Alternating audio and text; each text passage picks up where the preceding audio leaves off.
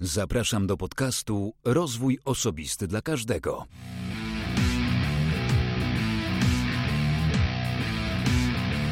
Ja nazywam się Wojciech Struzik, a wysłuchacie właśnie 45. odcinka podcastu Rozwój Osobisty dla Każdego, który nagrywam dla wszystkich zainteresowanych świadomym i efektywnym rozwojem osobistym.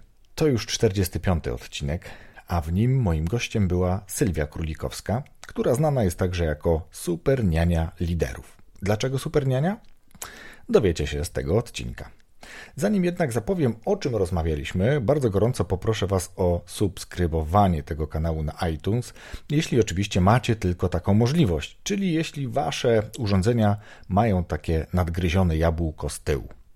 Jeśli jest takowe, to bardzo proszę o to, abyście również ocenili ten podcast i najlepiej pozostawili pozytywny komentarz. To dla mnie jest bardzo ważne, bo pomaga mi z dotarciem wtedy do szerszej grupy słuchaczy, a o to przecież w podcastach też chodzi. Jeśli zaś słuchacie w innych aplikacjach, takich jak Spotify, Castbox, Google Podcast, czy może w innych jeszcze, to obserwujcie ten podcast. Będzie mi bardzo miło i z góry za to oczywiście dziękuję. A wracając do mojego gościa, rozmawialiśmy z Sylwią o call center i o windykacji. Rozmawialiśmy o błędzie założonej identyczności. Rozmawialiśmy oczywiście też o historii, o początkach jej działalności w trenerstwie, nazwijmy to tak. Dziwnych przypadkach na open space, bardzo ciekawe i zaskakujące historie. Usłyszycie też w tej rozmowie o modelu Conger Canungo, ale nie dowiecie się więcej, co to jest. Być może jak Sylwia zrobi już swój doktorat, to wtedy taką publikację udostępni. W języku polskim już można coś takiego znaleźć. Ja wrzucę nawet jeden artykuł z LinkedIn, żebyście mieli odniesienie. Zresztą Sylwia komentuje ten artykuł. Rozmawialiśmy jeszcze o tym, jak zachować się, kiedy na przykład dziecko kopie nas w tramwaju czy w autobusie. To też ciekawy przypadek, ale co jest bardzo istotne i myślę, że też dużą, daje dużą wartość merytoryczną, to rozmawialiśmy o krytycznej informacji zwrotnej, a tak naprawdę jak ją poprawnie przeprowadzić, a kiedy tak naprawdę w ogóle nie warto tego robić. Teraz już serdecznie zapraszam Was do wysłuchania tego odcinka i jeśli ktoś uważa, że potrzebuje, to niech weźmie do ręki notatnik, bo z pewnością może się przydać. Miłego słuchania. Wszystkiego dobrego.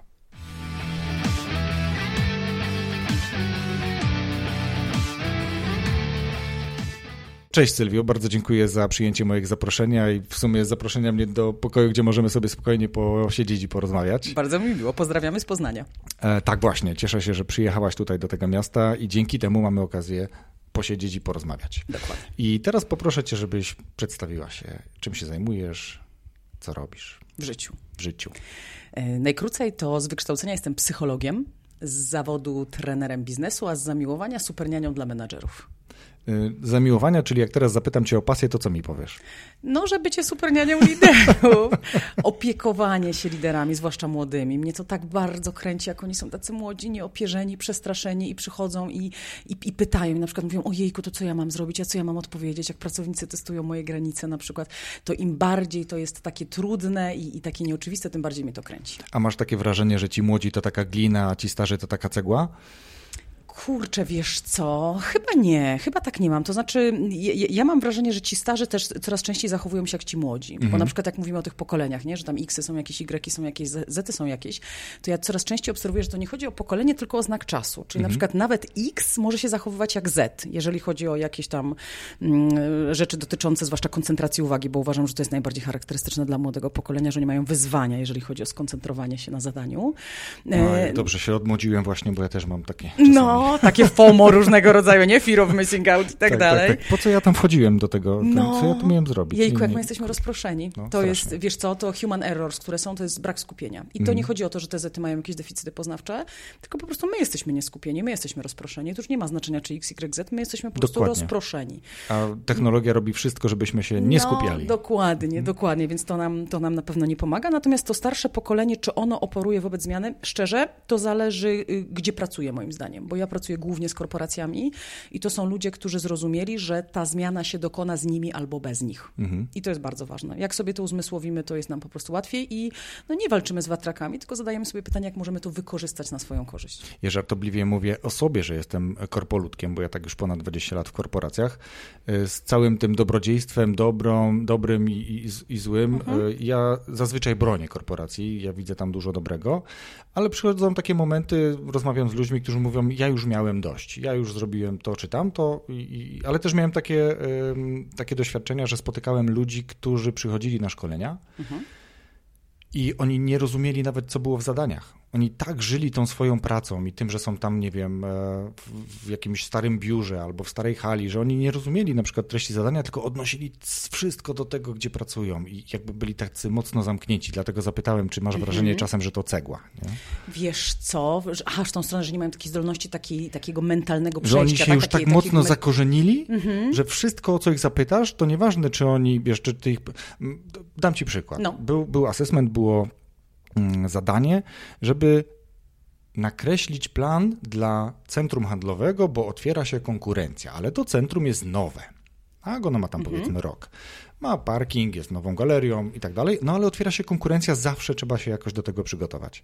I ci, którzy byli młodymi menadżerami z krótkim stażem w tej korporacji, no to oni faktycznie bardzo szybko jakby przystąpili do działania, fajnie sobie tam rozpisywali, albo w Gancie, no, na pewno jakąś oś czasu sobie do tego założyli, a ci, którzy byli już tak, wiesz, kilka lub kilkanaście nawet lat w tej firmie, to oni nie zrozumieli w ogóle, że to jest nowa galeria, że otwiera się konkurencja, jakie działania przygotować mamy starą posadzkę dziurawą, trzeba ją wyremontować, tam się coś sypie, tam toalety, tam coś tego tego nie było nigdzie, tych, to jest nowa galeria. Tak? Oni, oni, oni tak, tak, żyli już tam osadzeni tą swoją, tej, tą swoją posadzką. codziennością, dokładnie. Mm, może tak trochę być, wiesz co, no, no, my się w ogóle szybko adaptujemy, szybko się przyzwyczajamy do pewnych rzeczy i takie wolty mentalne są dla nas trudne. To na pewno jest tak, że no to też jest taka trochę klątwa eksperta czasami, nie? Że, mm, że dlatego wpuszczamy nową krew, młodą krew, wpuszczamy ekspertów z zewnątrz, żeby nam podpowiedzieli rozwiązanie, które dla nas nie jest oczywiste, bo my idziemy według jakiegoś tam schematu. My jesteśmy tak. schematyczni, lubimy heurystyki, nasz mózg lubi heurystyki, no bo oszczędza przez to energię więc to nic dziwnego. Więc może tak być, że oni wpadli w jakieś tam swoje heurystyki, mm. które im się pewnie sprawdzają w niektórych sytuacjach, no ale wiesz, w czasach, w których my teraz żyjemy i ta zmiana jest tak permanentna i tak szybka, no to pewnie trzeba umieć wyjść bardzo mocno outside box, nie? Dokładnie. Zaczęłaś mówić o, czy jakby przedstawiając się, powiedziałaś o swoim wykształceniu, a ja chciałbym podrążyć trochę ten temat i mm, dzisiaj jesteś znana z tego, że szkolisz, jesteś supernianią liderów, trenerem. Jak do tego doszło? Wiem, że tam 17 lat, jak się nie mylę, tak, 17 tak. lat jesteś już w branży, tak to nazwijmy. Tak. E, no ale kiedyś był ten początek? Skąd mhm. ten pomysł? Jakbyś trochę o tym e, powiedział, o tym takim swoim rozwoju osobistym? O takim moim rozwoju osobistym. Wiesz co, no to pytanie od, od kiedy zacząć? Od początku, od początku urodziłam się w Szczecinie. Od początku. Pochodzę ze Szczecina. Jestem dumną Szczecinianką. Urodziłam się latem. Urodziłam się, a żebyś wiedział, że 23 lipca, Super. pierwszy dzień lwa. A właśnie, no to też lew. To też lew, też no lew, tak, tak, tak, czuję, czuję, czuję to. Natomiast wiesz co, chyba najważniejsze jest to, że um, dla mnie ważnym momentem było liceum. To jest nawet wpis, który ostatnio miałam na Facebooku z okazji Dnia Nauczyciela, że dla mnie przełomowa była trzecia klasa liceum, kiedy trafiłam na polonistkę, która bardzo mnie cisnęła. To znaczy tak mnie cisnęła, że, że wymagała ode mnie dużo i w końcu przyszła i powiedziała, ty jesteś ambitna, ty lubisz filozofię, ty pójdziesz na olimpiadę filozoficzną. Ja sobie myślałam, olimpiada filozoficzna, czy to jest w ogóle sexy, co to jest? Ale jakoś tak się wkręciłam, poszłam na tę olimpiadę, miałam bardzo dobre wyniki i przez to miałam wejście na studia filozoficzne. Za darmo, jak to się mówi, mm -hmm. czyli bez egzaminów. E, no i na tej filozofii studiowałam i było fajnie, ale potem przyszedł taki moment refleksji, kurczę, co ja będę po tej filozofii, po tej filozofii robiła? No że to jest fajne, sexy, Przychodzi zawsze sobie, taka refleksja. poczytać sobie, wiesz, rozmyślania Marka Aureliusza do poduszki. Jak ktoś z was nie czytał rozmyślań próbuję. Marka Aureliusza, to polecam, bo to jest jedna z lepszych książek, bardziej rozpulchniających poznawczo moim zdaniem. Tam Brian Tracy to wymienka przy Marku Aureliuszu, więc bardzo serdecznie wam polecam. No ale potem było pytanie, kurczę, co ja mam po tej filozofii robić? I pamiętam, że miałam taką dużą potrzebę, żeby, żeby tę wiedzę przenieść na realia, czyli jak ja mogę ludziom pomóc, tak? Ja ich mogę rozpulchniać tam jakimś imperatywem kategorycznym Kanta, nie bo gwieździć co nade mną prawo moralne we mnie, no ale kurczę, co to zmienia tym ludziom w życiu. E, I pamiętam, że rzuciłam te studia filozoficzne i marzyła mi się psychologia. No i najlepsza była w Krakowie, 28 osób na jedno miejsce, ale powiedziałam, kurde, to jest to, challenge Ja nie dam rady. Te, tam, challenge accepted. I rzuciłam wszystko z dnia na dzień, absolutnie. Rzuciłam wszystko z dnia na dzień, musiałam iść do pracy, pracowałam w kiosku ruchu. I przygotowywałam się do tego, żeby się dostać na te studia. No i na te studia się dostałam i wyprowadziłam się do Krakowa i studiowałam. I ja szłam na studia z taką myślą, że będę terapeutą że będę pomagała ludziom, że będę tam, wiesz, czy chcesz o tym porozmawiać, choć się przytul, tu masz moje ramię do wypłakania się. I na drugim albo na trzecim roku studiów y, przyszła do mnie osoba, która mówi, słuchaj, my robimy badania mystery shopping, tajemniczy klient. Mhm. I ja mówię, ale ja nie wiem, o co chodzi, w ogóle nie wiem, czy mnie to kręci. A ta osoba mówi, ale ja płacę. Ja mówię, a to inna rozmowa. To w ogóle wiesz, a to ja w to wchodzę, a ja to ja poproszę. E, I robiliśmy badania mystery shopping, czyli tajemniczy klient i to było niesamowite, że ja wtedy pierwszy raz mogłam tę wiedzę psychologiczną, którą już miałam po tych tam dwóch, trzech latach psychologii, przenieść na realia życia tych ludzi. Czyli na przykład powiedzieć, no dobrze, jak przychodzi klient i on jest zły, to dlaczego on jest zły? E, co, co jemu się mogło podziać, co mu się w głowie porobiło, że jest zły i jak ty możesz na przykład jego wesprzeć w tym, żeby się uspokoił. I to był taki moment, że ja stwierdziłam, ja, to w ogóle pomaga ludziom. To ja nie muszę być to na działa. Koze... To działa, to ja nie muszę siedzieć na kozetce i ten drugi człowiek nie musi płakać mi w ramię, żeby zmieniać świat, żeby zmieniać życie. I możesz pomóc wielu osobom naraz. Absolutnie. Ja mhm. stwierdziłam, kurde, to jest to. I zaczęłam się wkręcać w biznes, w psychologię biznesu. E, miałam różne potem doświadczenia, pracowałam w call center na przykład. Miałam takich strasznych klientów, jeden dzwonił i mówił, pani Sylwia, pani jest tak głupia, dlatego że jest głupia, czy dlatego, że jest kobietą. I to były takie doświadczenia, których ja potrzebowałam, żeby móc potem wejść na salę szkoleniową i powiedzieć, słuchaj, ja wiem jak to jest, ja wiem co działa, wiem co nie działa. Więc zdobywałam takie doświadczenia, też w sprzedaży trochę pracowałam, w obsłudze klienta e, i potem to był Jejku, który to był rok? No 17-18 lat temu, kiedy w Polsce zaczęły się pojawiać pierwsze centra usług wspólnych, jak to się mówi, czyli outsourcing finansowo-księgowy. Tak, albo SSC, jak oni mówią. I pamiętam, że ja wtedy mieszkałam w Krakowie i pierwsza firma, chyba mogę podać nazwę, IBM. IBM, pierwsze szkolenia IBM. Nie Od razu wiesz. tego, ani dobrego, ani złego, więc możemy Ale wiesz, ale ja akurat bardzo dobrze wspominam, to było piękne doświadczenie, wiesz, ja tam nie zaczynałam od jakiejś małej, od razu z grubej rury IBM, prawda? Ja mhm. rób albo nie rób, nie ma próbowania, więc ja od razu uderzyłam do IBM-a. I się okazało, że oni są chętni, że w sumie szkolenia, no może czemu nie. E, I zaczęłam szkolić pierwsze centrum finansowo-księgowe, które gdzieś tam powstawało. I ja rosłam razem z tą branżą. To znaczy ja się uczyłam razem z nimi, ja też y, siedziałam na telefonie razem z nimi, ja też windykację, pamiętam, też się specjalizowałam w windykacji, czyli soft collection to się ładnie mówi. Czyli, taka, czyli taki wyższy taka, poziom trudnych rozmów. Taki wyższy poziom trudnych rozmów, czyli mhm. dzwonię do kogoś, żeby mi zapłacił, a on nie płaci nie dlatego, że nie ma pieniędzy, tylko dlatego, że na przykład zgubił fakturę, nie? To jest klasyka, bo nie wiem, jakiś tam menadżer, który może aprobować, pojechał sobie gdzieś. Pies y, zeżar mi zeszyt. Pies zeżar mi zeszyt, trochę tak. I, i, i, tego się, i tego się uczyłam.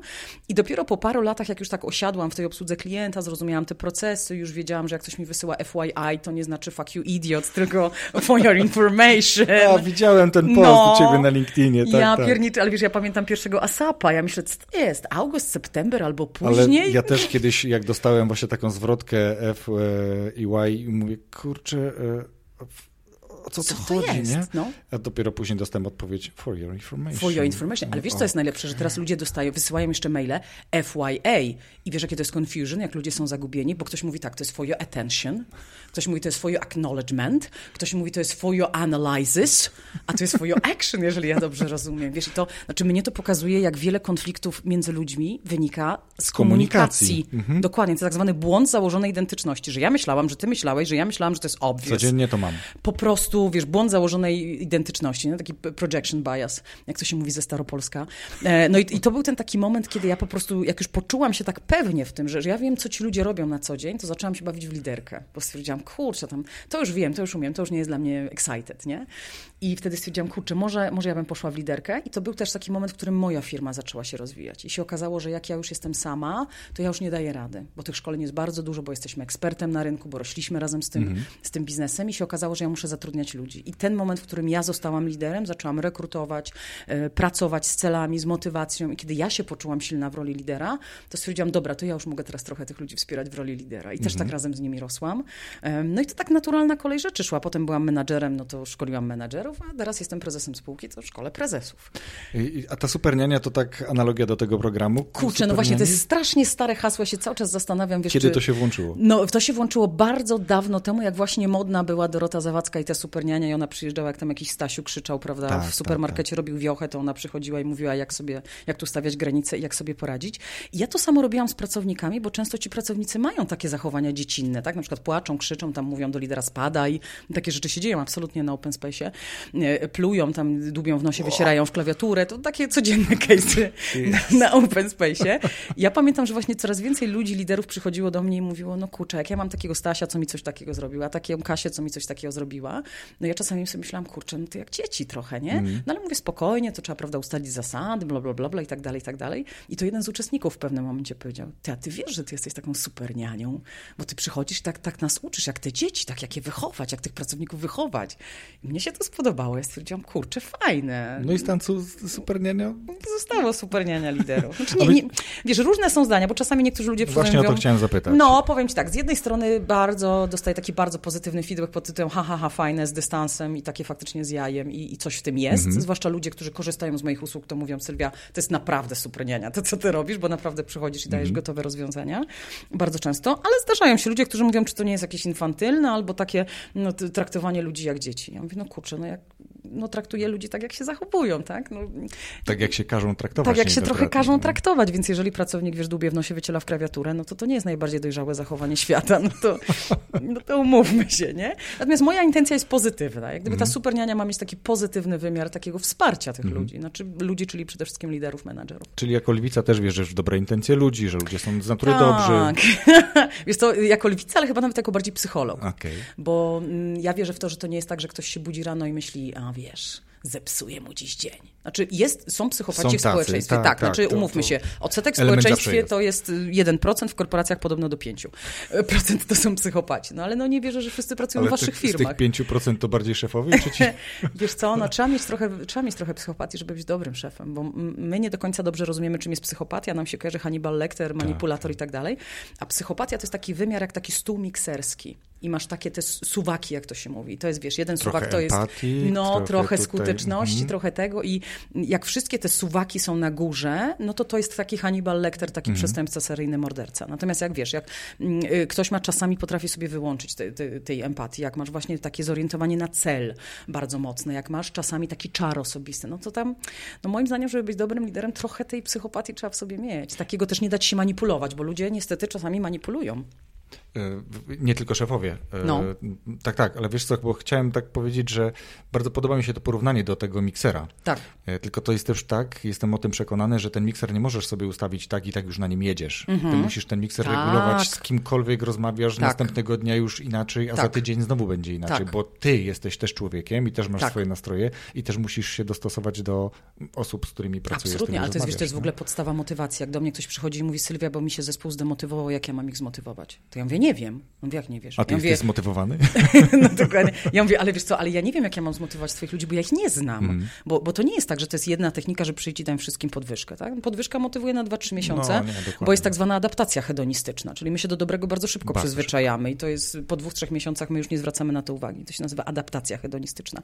Natomiast ja mówię, no kurczę, no to jest, wiesz, no to, ktoś jest bardziej ambitny, ktoś jest mniej ambitny na przykład, bo to też my jako menadżerowie musimy zdać sobie sprawę, że nie każdy będzie ambitny. To jest w ogóle szok, że nie każdy będzie ambitny, nie każdy będzie miał aspiracje zawodowe. Niektórzy ludzie mówią, ja 20 lat jestem na tej turbinie i mi jest dobrze na tej turbinie, nie chcę zmieniać tej turbiny. Znaczy inny wymiar to jest taki, że żyjemy w czasach, w których jak stoisz w miejscu, to się cofasz. I to ja często mówię ludziom, że ty nie musisz przekraczać oczekiwań i robić jakichś tutaj niesamowitych odkryć, no ale jakkolwiek musisz się rozwijać, bo to po prostu ta zmiana, ten świat cię zje. Natomiast no nie każdy będzie ambitny i, i kogoś kręci praca w grupie, a kogoś praca indywidualna, kogoś kręci bycie na świetniku, a kogoś właśnie bycie, wiesz, w tym takim backgroundzie, więc no nie ma jednej metody motywacji. A myślisz, że ci ludzie, którzy męczą się, bo są też tacy w pracy i na pewno widzisz takich na szkoleniach, czy to jest wynik tego, że to jest kwestia charakteru, pokolenia, czy nie trafił w zawód, który wykonuje, czy połączenie tych y, czynników? Bo to co, na pewno bym nie szła pokoleniem, bo ja jestem w ogóle przeciwna takiej stereotypizacji, że to młode pokolenie to to jest powiedziałem. jakieś, no to mam nadzieję właśnie, na to liczę. Ja jestem przeciwna temu, że młode pokolenie jest wygodne, leniwe. Nie, to jest, to jest pokolenie, które po prostu challenge'uje świat. To znaczy, mm, ja, ja, jak się patrzy... ja im zazdroszczę, wiesz? No, ja im też trochę zazdroszczę. No, znaczy, to, to jest pierwsze pokolenie, które przychodzi i mówi, sprawdzam i mówi, ale mi się to nie podoba, bo, bo mam wrażenie, Po że... co mam to robić tak, skoro mogę zrobić to trzy razy szybciej? nie? Dokładnie, nie? Jak był taki film, ja nie pamiętam, w którym tu filmie pada taka, jest taka, e, mój mąż z zawodu jest dyrektorem. Poszukiwany. Poszukiwana też mi się Mhm. wydaje. Tam jest taka scena, mój mąż z zawodu jest dyrektorem. Jak pan dyrektor powiedział, to się po prostu robiło i się nie dyskutowało. Mhm. A to młode pokolenie przychodzi i mówi tak, no dobrze, no ale po co my to mamy zrobić? Bo może ja mam jakiś pomysł, jak to możemy zrobić inaczej. Mhm. I to jest pokolenie, które jest potrzebne, takie właśnie challenge'ujące w, w tym współczesnym świecie, żeby nie powielać błędów, żeby, żeby faktycznie wychodzić e, i, i proponować nowe rozwiązania. Natomiast y, bardzo dużo widzę ludzi, którzy są nieszczęśliwi, Natomiast y, to wynika chyba właśnie z takiego nietrafienia. To znaczy, y, robię to, bo mi to daje kasę, bo wiesz, praca w korporacji ma swoje bardzo duże plusy. To znaczy tak, co się nie dzieje, ty masz te pensje na czas. Mhm. Co się nie dzieje, masz fajny pakiet socjalny. Jakieś mhm. tam, wiesz, Medicovery, LuxMedy, inne takie rzeczy. Co się nie dzieje, co środę te owoce są. Co się nie to dzieje... Różne czy, tam, czy różne, nie? nie? A co się nie dzieje, to mhm. też możesz sobie czasami z domu pracować. Tak. To jest też ważne teraz, że jak się źle czujesz albo dziecko Chcesz, się źle możesz czuje, iść na szkolenie. Możesz iść na mhm. szkolenie. I ja mam wrażenie, że mm, i trudno jest z tego zrezygnować. Trudno jest z tego zrezygnować, czyli ktoś mówi na przykład, tak. nie lubię tej pracy, ale kurde, to jest wygodne. To jest naprawdę wygodne, no bo wiesz, to nie jest jakiś rocket science rzucić korpo, kupić kozę, wyjechać w Bieszczady, założyć własną firmę. No, ale są, jakiegoś... są tacy, są tak. tacy. Ale wiesz, dlaczego zapytałem? Bo y, wydaje mi się, to, to, są takie żarty, że to nie zawód, a charakter, tak się czasami mm -hmm. jakimś mówi, nie? że audytor to nie zawód, tylko charakter mm -hmm. na mhm. przykład. No i teraz są no, faktycznie Java takie... developer to stan umysłu, tak? no właśnie. No. Ale ja myślę, że to jest może nawet kwestia nie odejścia z korporacji, mm -hmm. tylko znalezienia sobie lepszego miejsca w tej korporacji. Czy ludzie zdobędą się na tą odwagę, żeby powiedzieć, hmm, pracuję tu już 2, 3, 5 lat i nie czuję, nie czuję tego. Mhm. Czego mogę spróbować, z kim mogę o tym porozmawiać. Ludzie bardzo często decydują się od razu na ten krok, odchodzę. Tak. Mm, nie zdając sobie sprawy z tego, że jeśli to jest korporacja, to ona daje mi dużo więcej możliwości niż tylko miejsce, w którym ja dzisiaj pracuję. Tak. I to jest, y, ja bardzo często powtarzam, że trawa nie jest zielona po drugiej stronie płotu, tylko trawa jest zielona tam, gdzie ją podlewasz. No albo pada słońce pod innym tak, kątem. po prostu, mhm. dokładnie. I teraz trawa nie jest zielona bardziej po drugiej stronie płotu, bo ja bardzo często spotykam ludzi i jak widzę, że oni odchodzą z jednej firmy do drugiej, to ja mówię, a czemu ty Wojtek odchodzisz, co się dzieje? A on mówi, bo wiesz Sylwia, tam będzie tak samo nudno i bez sensu, ale przynajmniej mi więcej zapłacą. Albo nudno zacznie się robić za trzy lata. Dokładnie, mhm. nie? Jak, jak to po prostu minie. Więc y, ja sobie myślę, że to jest, dużo prawdy jest w tym, co mówisz, czyli, że my od razu zakładamy, że grass is greener on the other side, mhm. że, że trawa jest bardziej zielona po drugiej stronie, a nie sprawdzamy, jakie mamy możliwości podlania tutaj u nas, na tym, na tym poletku naszym. No tylko to wymaga po pierwsze tak, z jednej strony mojego pójścia do mojego przełożonego i powiedzenia, posłuchaj, chyba to nie jest fajne, poszukajmy czegoś, ale z drugiej strony to też wymaga od przełożonego takiej obserwacji i takiego podejścia pisania Wojtek, czy chodzisz jakiś skruszony ostatnio, czy tam jakiś taki smutny, czy, co to się dzieje, co się stało, pogadajmy o tym. Ja, ja myślę sobie też, że takim największym wyzwaniem jest to, że bardzo często do liderów przychodzą ludzie i mówią tak, zmotywuj mnie. Po prostu zmotywuj mnie. Wiesz, ja jak słyszę zmotywuj mnie, to mi ręce opadają, bo ja mówię, ale człowieku, ja nie wiem, co ciebie motywuje. Ja mówię, no ale to powiedz mi, co ciebie motywuje. I on mówi, nie wiem. I ja wierzę, że on nie wie. I ja myślę sobie, że bardzo często błędem jest to, że taki menadżer zostawia takiego pracownika i mówi tak, to idź się dowiedz. Przemyśl to. Przemyśl to i wróć do mnie. I pracownik jak przyszedł z takim, wiesz, sercem na dłoni i mówi, słuchaj, kurczę, zdemotywowałem się, pomóż mi. A lider mówi, no dobrze, to co ciebie motywuje? A pracownik mówi, nie wiem. A on mówi, to wyśmień w kurze i po prostu nie trać mojego czasu, idź przemyśl, rozpuchnij A co powinien się. zrobić? Moim zdaniem lider powinien y, wesprzeć tego pracownika, czyli na przykład powiedzieć tak, no dobrze, spokojnie Wojtek, no to teraz nie wiesz, co cię motywuje, ale poczekaj, dojdźmy do tego razem. Uwaga, kiedy ostatnim razem byłeś zmotywowany? Które projekty lubisz? Których projektów nie lubisz? Co sprawia, że ci się rano chce tutaj przychodzić? Kiedy ostatnim razem przyszedłeś z uśmiechem? Które zadanie wykonałeś ostatnio najszybciej? Które było bezbłędne? Trzeba trochę tego pracownika, wiesz, zrobić taką introspekcję. Żeby on sobie taką autorefleksję Żeby on zrobił mhm. autorefleksję. Natomiast jak nie wyjdą odpowiednie pytania od lidera, to ten pracownik hasło przemyśl sobie, no to on nie wie, w którym kierunku ma przemyśleć. No jak w którym? No to w takim, że przyszedłem do ciebie pogadać, a ty wywalasz no. mnie za drzwi bez mała. No, no dokładnie. No. A to trzeba powiedzieć, słuchaj, kiedy ostatnim razem byłeś zmotywowany? Kiedy ostatnim razem przyszedłeś z uśmiechem? Nie? Który, które zadanie zrobiłeś ostatnio? Y, kiedy ostatnio przyszedłeś do pracy i pomyślałeś sobie, kurczę, jest fajnie. Mhm. Co takiego miało na to wpływ? Czy ludzie, czy zadanie, czy to było nowe, czy to było stare, czy to był klient, czy to było tutaj, czy gdzie to było? Jakoś tak wesprzeć tego człowieka, żeby introspektywnie doszedł do tego, co go motywuje. Mhm. Wracając znowu do twojego rozwoju. Powiedziałaś, zaczynałam sama, później zaczęłam rekrutować, tak. budować zespół. Jestem teraz prezeską. Jaki duży jest twój zespół? Raz, dwa, trzy, cztery. Wiesz co? Y, taki stały core, no to, to jest raz, dwa, trzy, cztery, pięć, sześć osób, natomiast my też mamy trenerów, z którymi współpracujemy mhm. tak freelancersko. Czy jakieś podwykonawcy? To. Takich mhm. podwykonawców i też mamy czasami stażystów, natomiast taki najbliższy mój zespół, taki bliski mojemu sercu, to jest sześć osób. Okej. Okay. Uważasz, że to będzie większy zespół? Wiesz co, ja mam taką wizję firmy butikowej. Okej, okay, To czyli znaczy, ja raczej bym- nieduży. Ale to jest w ogóle też, kurczę, wiesz co, bo to też jest ciekawe, bo ja mam wrażenie, że jak często się słucha ludzi, którzy mówią o rozwoju, to wiesz, jak zbudować milionowo, milionowy biznes, jak roz, rozpędzić swoją firmę w ogóle do jakiegoś takiego niesamowitego, y, do, do niesamowitej wielkości. I teraz, wiesz, jeżeli to jest ambicja czyjaś, mieć firmę, która... Ma 3000 pracowników. która ma 3000 Mhm. pracowników i tak dalej, okej, fine. To nie jest moja ambicja, bo ja też tak nie chcę. To znaczy, ja wolę mieć zespół sześcioosobowy, gdzie ja każdego pracownika znam i każdego wspieram. I jak y, dziewczyny prowadzą szkolenia, to mogą do mnie zadzwonić i, i ja jestem w pełnej dyspozycji dla nich.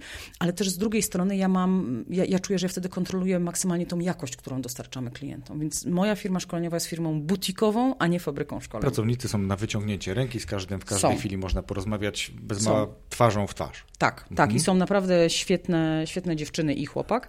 E, więc, więc rodzynek. Jest, jest, jest, jest, jest, jest, jest rodzynek. Natomiast e, tak, to są cudowni eksperci. Absolutnie ja, ja w ogóle nawet uwielbiam chodzić na ich szkolenia.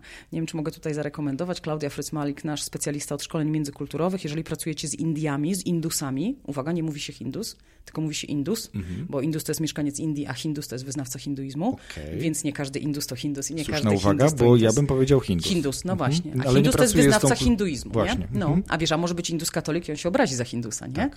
Więc powinno być nasi, nasi koledzy Indusi. I Klaudia pracuje z Indusami i na przykład to jest niesamowite, jak ona pięknie potrafi z jakim szacunkiem wytłumaczyć. Bo wiesz, jak się pracuje z Indusami, no to wielu z nas doświadcza takiej dużej frustracji, że oni nie dowożą, że tam y, kłamią, często, często słyszę, jak uczestnicy mówią, albo mówią, że zrobią, a nie zrobią. Mm, I my często nie rozumiemy, że oni mówią nam, że nie zrobią, tylko na swój sposób. Czyli na przykład jak, jak ja się pytam Ramesh, will you deliver on Friday? On mówi on Friday? To on mi właśnie powiedział, że on tego nie dowiezie. Tylko, że wiesz, to, to nie jest mój kod. Ten akcent. No, albo, albo wiesz, jak ja mówię Ramesh, will you deliver on Friday? Oh, we got a busy time. To on mi właśnie powiedział nie. I to jest niesamowite, że to, to wymaga takiego naprawdę bardzo dużego szacunku, No zrozumienia. tak, w naszej kulturze to on powiedział właśnie, o, będzie trochę więcej pracy, Tak. ale dowieziemy. Dowiezie. Nie? Nie? on ci powiedział nie. Mhm. On ci powiedział, yeah, we got a busy time. No i tak, tak samo jak oni mówią yes, to oni nie mówią yes, I will do, tylko yes, I hear you. I to jest niesamowite, że my tego nie rozumiemy. Mhm. Więc wiesz, ja na przykład też chodzę na szkolenia moich trenerów i, i mnie to kręci, bo to są niesamowici specjaliści. Ja jestem z nich bardzo, bardzo dumna. Mhm. A powiedz mi, czy ty wolisz być trenerem, czy wolisz być mówcą, czy nawet mówcą chyba takim inspiracyjnym, trochę Tak, motywacyjnym? ja, ja mówię o sobie, że jestem mówcą merytorycznym. mówię o sobie, bo, znaczy, jeżeli to, co mówię, kogoś zainspirowało albo zmotywowało, no trudno, przeżyję to. Mhm. Nie, tak na poważnie jestem mówcą merytorycznym, bo, ta merytoryka jest dla mnie ważna.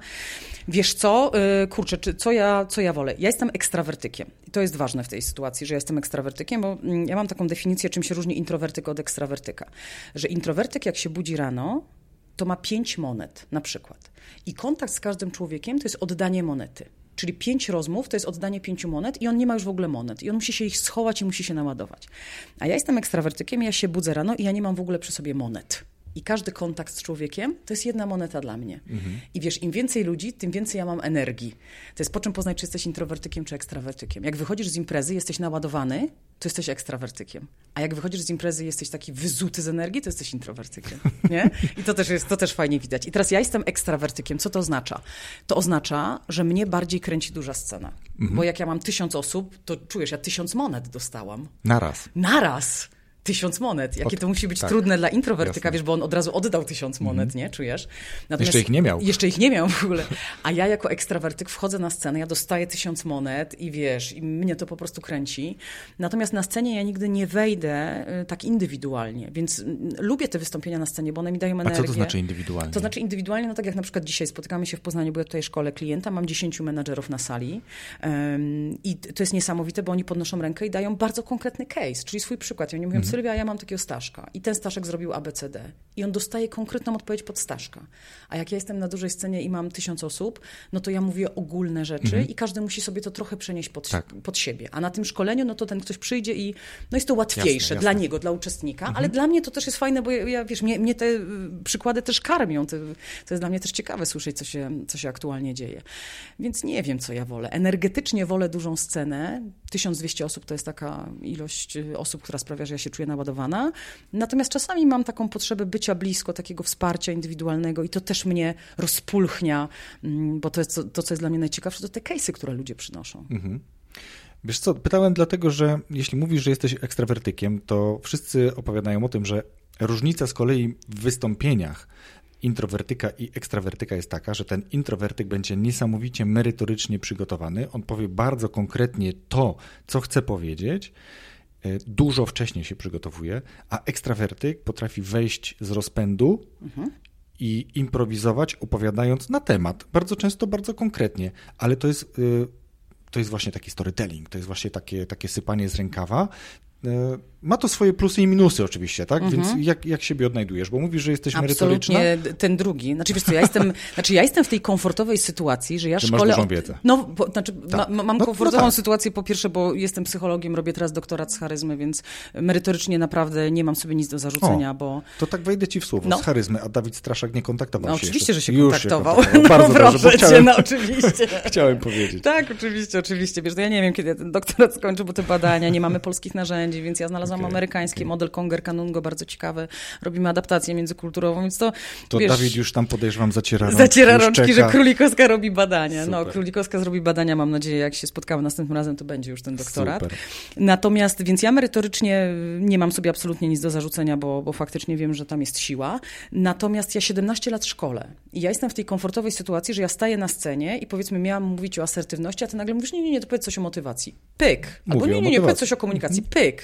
No i teraz wiesz, mnie nie jest łatwo, bo ja wiem, że jak ktoś dopiero zaczyna w tej branży, nie wiem, jest rok, dwa i ma stanąć na scenie, no to on musi być przygotowany, co on ma powiedzieć, bo on nie może tak elastycznie zmieniać jak ja. A ja mam, wiesz, no ja jednak czerpię z 17 lat doświadczenia. E, I faktycznie ja się, nie wiem, czy mogę to powiedzieć, ale ja się bardzo nie przygotowuję do występów.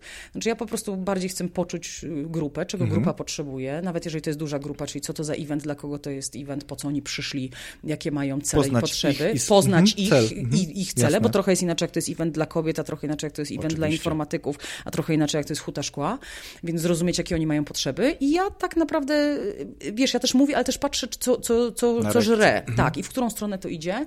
I ja widzę, że ludzie lubią te historie, wiesz, oni to potem zapamiętują, bo, bo, oni, bo oni się wczuwają. No, lubimy historię. Tak, ale nie jesteś, z tego co kojarzę, z ty, tych twoich krótszych wystąpień Mhm. raczej, nie jesteś też tą osobą, która wychodzi i inspiruje, bo to był twój główny cel, czyli Mhm. wychodzę, opowiadam, że miałem tego nie mówić, ale zawsze i wszędzie możesz wszystko, No. tak? E, I, I zwijam się ze sceny i ci ludzie wychodzą naładowani stamtąd, Mhm. kurczę, mogę, rano wstają, mówię, dobra, to od czego zacząć? To od nie? czego zacząć, no. Natomiast mam wrażenie, że jak No. wyjdą od ciebie, to wiedzą, aha, dobra, to ja muszę zacząć teraz od tego, od tego Tak, i od tego, tak. bo oni to u ciebie usłyszeli. Tak. Oni przy okazji zostali zainspirowani, Tak. ale dostają konkretną dawkę Merytorykę. merytoryki. Tak, nie? tak, tak, tak. Wiesz, no absolutnie, ja jestem mówcą merytorycznym. Tak jak mówię, jeżeli to kogoś zainspiruje, zmotywuje, to okej, nie? Natomiast, czy ja jestem w ogóle fajnie, że powiedziałeś to hasło zawsze i wszędzie możesz wszystko. Ja uważam, że to jest wielka krzywda. To znaczy, Mhm. to hasło robi wielką krzywdę ludziom, bo potem oni mają bardzo twarde lądowanie, bo się okazuje, że nie zawsze i nie wszędzie możesz wszystko. I też oni niestety przychodzą potem i, i przychodzą na przykład do pracy, do szefa i mówią, no przecież ja zawsze i wszędzie mogę wszystko. I się rozbijasz o korporację, o tiketa, o procedurę. I myślę sobie, że to jest wielka krzywda, którą się robi tym ludziom i też wielką krzywdę się robi mówiąc o tym, jak strasznie ważna jest motywacja. Bo moim zdaniem motywacja wcale nie jest ważna. Znaczy jest ważna, przepraszam, jest ważna, natomiast absolutnie nie jest jest kluczem. najważniejsza. Nie jest najważniejsza. To znaczy, jak do mnie przychodzi mój dziesięcioletni syn, ja mówię, synek, siadamy, robimy lekcję i on mówi, nie chce mi się. Ja mówię, synek, to zrób to niechętnie. No bo wiesz o co chodzi, bo jak gdyby, no nie wszyscy... Zachęcić go do tego nie zachęcisz. No dzieci już w wieku twojego Tak. syna nie lubią No odrabiać po prostu, lekcji. ale ja mówię, synku, ale wiesz co, zrób to niechętnie, będziesz miał to z głowy i pójdziesz sobie robić swoje rzeczy. Albo uwaga, bardzo często może być tak, że jak zaczniesz robić, to ci się zachce. Bo ja na przykład tak mam, nie? Chwycisz flow tak po prostu zwany. chwycisz flow, bo nam jest najtrudniej zacząć. I my na przykład bardzo wiele Tak. Wszystko. osób, tak, bardzo wiele osób nie podejmuje jakiegoś działania, bo czeka, aż nam się zachce. Mhm. A bardzo często nam się może nie zachcieć. I teraz co, nie zrobisz tego? No come on. To jest trochę tak jak z dentystą, wiesz? Nie No. chce się wybrać, nie chce się No. wybrać. A jak już pójdziesz, już siadasz. Tak. No, wie pani co, to tam jeszcze trójka, piątka, niech pani jak zrobi już jestem. trzy naraz. Ale To wiesz już mnie to na przykład w życiu pomaga. Ja tak mam z ćwiczeniami na przykład, nie? Jak tam biegam, czy jakaś yoga, czy jakieś inne rzeczy. No to mówmy się, to nie jest tak, że ja siedzę i mi się chce, nie? Ja też siadam i mówię, no nie chcę mi się, no zrobię to niechętnie. Jak gdyby daję sobie zgodę na to, że zrobię to niechętnie, bo to trzeba zrobić, bo to jest poczucie odpowiedzialności. Natomiast bardzo często mi się zachciewa w trakcie. Natomiast ja jestem zwolennikiem hasła zrób to niechętnie. Po prostu screw it, let's do it, w ogóle wiesz. Zrób to, nie czekaj, aż ci się zachce, bo bardzo często ci się nie zachce.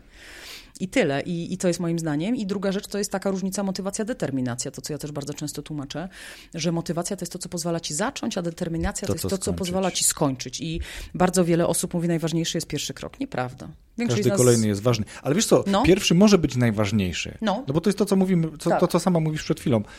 Zacząć, Tak, nie? czyli ten zacząć. pierwszy Zrób- krok tak, właśnie tak, zrobić. tak. A później każdy kolejny też jest ważny. Tak. Nie, no, nie Tak. możesz się wywrócić znaczy, na To znaczy, kroku. pierwszy jest ważny, ale ja nie wiem, czy nawet nie jest ważniejszy trzeci, czwarty. Mhm. Wiesz, bo y, trzeci, czwarty już ci się pojawiają ryzyka. I teraz, jeżeli nie zarządziłeś ryzykiem na początku, to będziesz miał bardzo duży problem. To bardzo ładnie widać, wiesz, 1 stycznia większość z nas ma motywację, a 10 stycznia już nie mamy determinacji. Jasne. I teraz, wiesz, jak 1 stycznia wyobrażam sobie, że będę rączą łanią, skaczącą po prostu tu po jakichś bulwarach i wiesz, będę fit i będę miała lepsze pośladki niż Chodakowska i nawet wykonuję pierwszy krok, czyli kupuję jakieś wypasione buty i leginsy w, w jednorożce, no ale potem 10 stycznia się okazuje, że wiesz, śnieg pada i zimno jest. I ja tego nie przewidziałam, wiesz, Nie zdziwiona chce się jestem. i nawet, nawet niechętnie się I nie nawet się niechętnie nie chce. Mhm. I nawet zrób to niechętnie, to to jest za mała motywacja, więc wiesz. A wystarczyłoby tego 1, się, 1 stycznia zadać sobie pytanie, co może pójść nie tak. Mhm. I się może okazać, no wiesz Sylwia, no spadnie śnieg i będzie zimno. I co ty wtedy zrobisz? I mieć taki gotowy, e, taką alternatywę do za- zaimplementowania. I bardzo często na tym ludzie legną, że nie mają alternatywy. Podoba mi się to, co powiedziałaś i chciałbym to podrążyć, bo y, zgadzam się z tobą i brakuje mi trochę, chyba często brakuje mi tego drugiego, bo nieraz mam motywację, żeby zacząć, Tak. ale brakuje determinacji, Determinacji. żeby skończyć. Tak, i teraz jak, no, jak zrobić, jak żeby, zrobić żeby mieć jedno i drugie. Nie? Dobra. Po pierwsze, determinacja wymaga zarządzania ryzykiem. To jest w ogóle absolutnie podstawowe. Bo jeżeli ty sobie mówisz tak, przez miesiąc nie będę jadł cukru, 30 dni nie będę jadł cukru i myślisz sobie, dotrwam 30 dni, no bez przesady. to be- jest, co nie? to jest, nie? Tylko, że zapominasz o jednej rzeczy. No, znaczy, jedziesz 30 dni, nie jem cukru, dobra. I nagle w połowie miesiąca się okazuje, że twoja ukochana ciocia Krysia ma imieniny. I ciocia Krysia robi najlepszy tort w ogóle beza Pawlowa ever. No i teraz uwaga, co ty, jak, co, co ty masz z tym zrobić, nie? Nie pójść do cioci Krysi, zadzwonić, obrazić ją, żeby cię nie zaprosiła. E, Pęknie jej serce. no, no właśnie, i pytanie brzmi, co zrobić? No najprawdopodobniej będzie tak, że pójdziesz i zeżresz ten tort, po prostu, bo ci serce pęknie, nie? Więc zeżresz ten tort. No, y, natomiast to, że ciocia Krysia ma imieniny w połowie miesiąca, to nie jest zaskoczenie, tak? To jest wiadomo od dawna, bo tam Krystyny jest y, co roku o tej samej porze. Więc tak naprawdę ty, jak zaczynasz ten y, de detoks cukrowy miesięczny, to weź sobie kalendarz i zobacz, co może pójść nie tak. Czyli na przykład, że ciocia Krysia będzie miała Zarządź imieniny. ryzykiem. Po prostu zarządź ryzykiem, czyli uwaga, może to nie jest dobry miesiąc, żeby to zaczynać. Albo może nie rób na miesiąc, a zrób najpierw na dwa tygodnie i potem się nagróź tym tortem bez Albo zrób na miesiąc i będziesz wiedział, że w połowie miesiąca ciocia ma imieniny, więc tego dnia zjesz fragment, kawałek, Tak. byleby świadomie, Tak. mały kawałek tortu, żeby Tak. cioci i tobie serce nie pękło i jedziemy dalej. Dokładnie, ale wiesz, bo Mhm. najgorsze jest to, co nas wybija, że, że ja, ja wchodzę z taką energią, ale będzie super, w ogóle jestem zwycięzcą i nagle po prostu coś cię wybija, bo nie jesteś na to przygotowany, więc determinacji nie ma wtedy, kiedy ryzyko nas rozwala, wy, wyrzuca nas ze schematu. No i druga rzecz bardzo ważna, też taka myślę niedoceniana, to to, że y, tak naprawdę determinacja wymaga nawyku. Po Mhm. prostu, to trzeba z, zrobić nawyk, wiesz, to jest tak jak z myciem zębów. No ja nie wiem, czy ty się jakoś motywujesz do mycia zębów rano. Znaczy, wiesz co, ja biorę szczoteczkę, ja nie... Ja nie wiem, czy jestem świadom, jak to robię. Dokładnie, wiesz, to nie jest tak, że ja stoję ze szczoteczką i myślę sobie, come on, królikowska, dasz radę. Nie, po prostu wkładam do buzi i szczotkuję i tyle. I to jest, i to jest nawyk. I ja w ogóle, 120 sekund. to w ogóle nie myślę o tym, nie? Więc, więc ja mam wrażenie, że, że to też jest ważne, żeby po prostu wykształcić sobie nawyk, żeby zarządzać ryzykiem. I uwaga, bardzo ważna rzecz, żeby mieć wsparcie. To znaczy tak zwana motywacja społeczna. Bo my często myślimy, że będę czerpał z siebie. Nie będziesz, nie? Czasami jest ważne, żeby ktoś przyszedł i, i powiedział, mm, to jest ten taki moment, jak otwierasz lodówkę i, i przyjaciółka mówi, czego tam szukasz? Zamknij. Nic tam dla ciebie nie ma. Nie? Że, że, że wiesz o co chodzi, że to jest, to jest ważne, Tak. że jest ta osoba obok, która powie zamknij, zamknij, nie wpierniczamy. Tak, nie? tak. Albo taka osoba, Tam jest wirtualny zamek. tam jest wirtualny zamek. Albo jak na przykład, nie wiem, mieliście biegać i ty dzwonisz, mówisz, nie chce mi się. A ona mówi, ty, w ogóle nie chcę tego Ja już jestem na dole. Ja już jestem na dole, czekam, Czekam. na dole, nie? Mhm. Więc to też jest ważne, żeby była determinacja w tym wykształceniu nawyku, żeby po prostu były osoby, które nas wspierają, żebyśmy tego sami nie dźwigali. D- tak, zgodzę się, bo praktykuję. Co praktykujesz? Właśnie to, o czym powiedziałaś, tak? Dlatego, że ja no tak z tą swoją konsekwencją i z tą determinacją przez całe życie miałem różnie. Mhm. Ale ponieważ zadeklarowałem dość szeroko, że co tydzień na przykład będzie nowy podcast, to on jest, odkąd zacząłem nagrywać, co tydzień. I jeżeli ja wiem, że czegoś mi brakuje, to na przykład w drugim czytam bajki po to, żeby pracować nad dykcją i tak dalej. I to są pięknie. jakby takie deklaracje, które ja czynię dość publicznie, po to, żeby samemu siebie trochę tak wirtualnie w tyłek kopnąć, gdyby mi się nie chciało. Oczywiście nie wszystko się udaje, ale no, plan jest taki i faktycznie Tak. to się sprawdza. No pytanie, a zarządziłeś z ciekawości ryzykiem, jak zaczynałeś ten podcast? Czyli na przykład, co może pójść nie tak? Na przykład, nie wiem, nie będę miał pomysłów. albo- Miałem kilka takich rzeczy, Aha. bo mówię, dobra, wyczerpią się moje własne pomysły Mhm. i z, to nie wiem, czy do końca mogę powiedzieć, że zarządziłem zmianą, Mhm. bo założyłem na początku, że będę nagrywał na przemian. Ja, gość, ja, A, gość.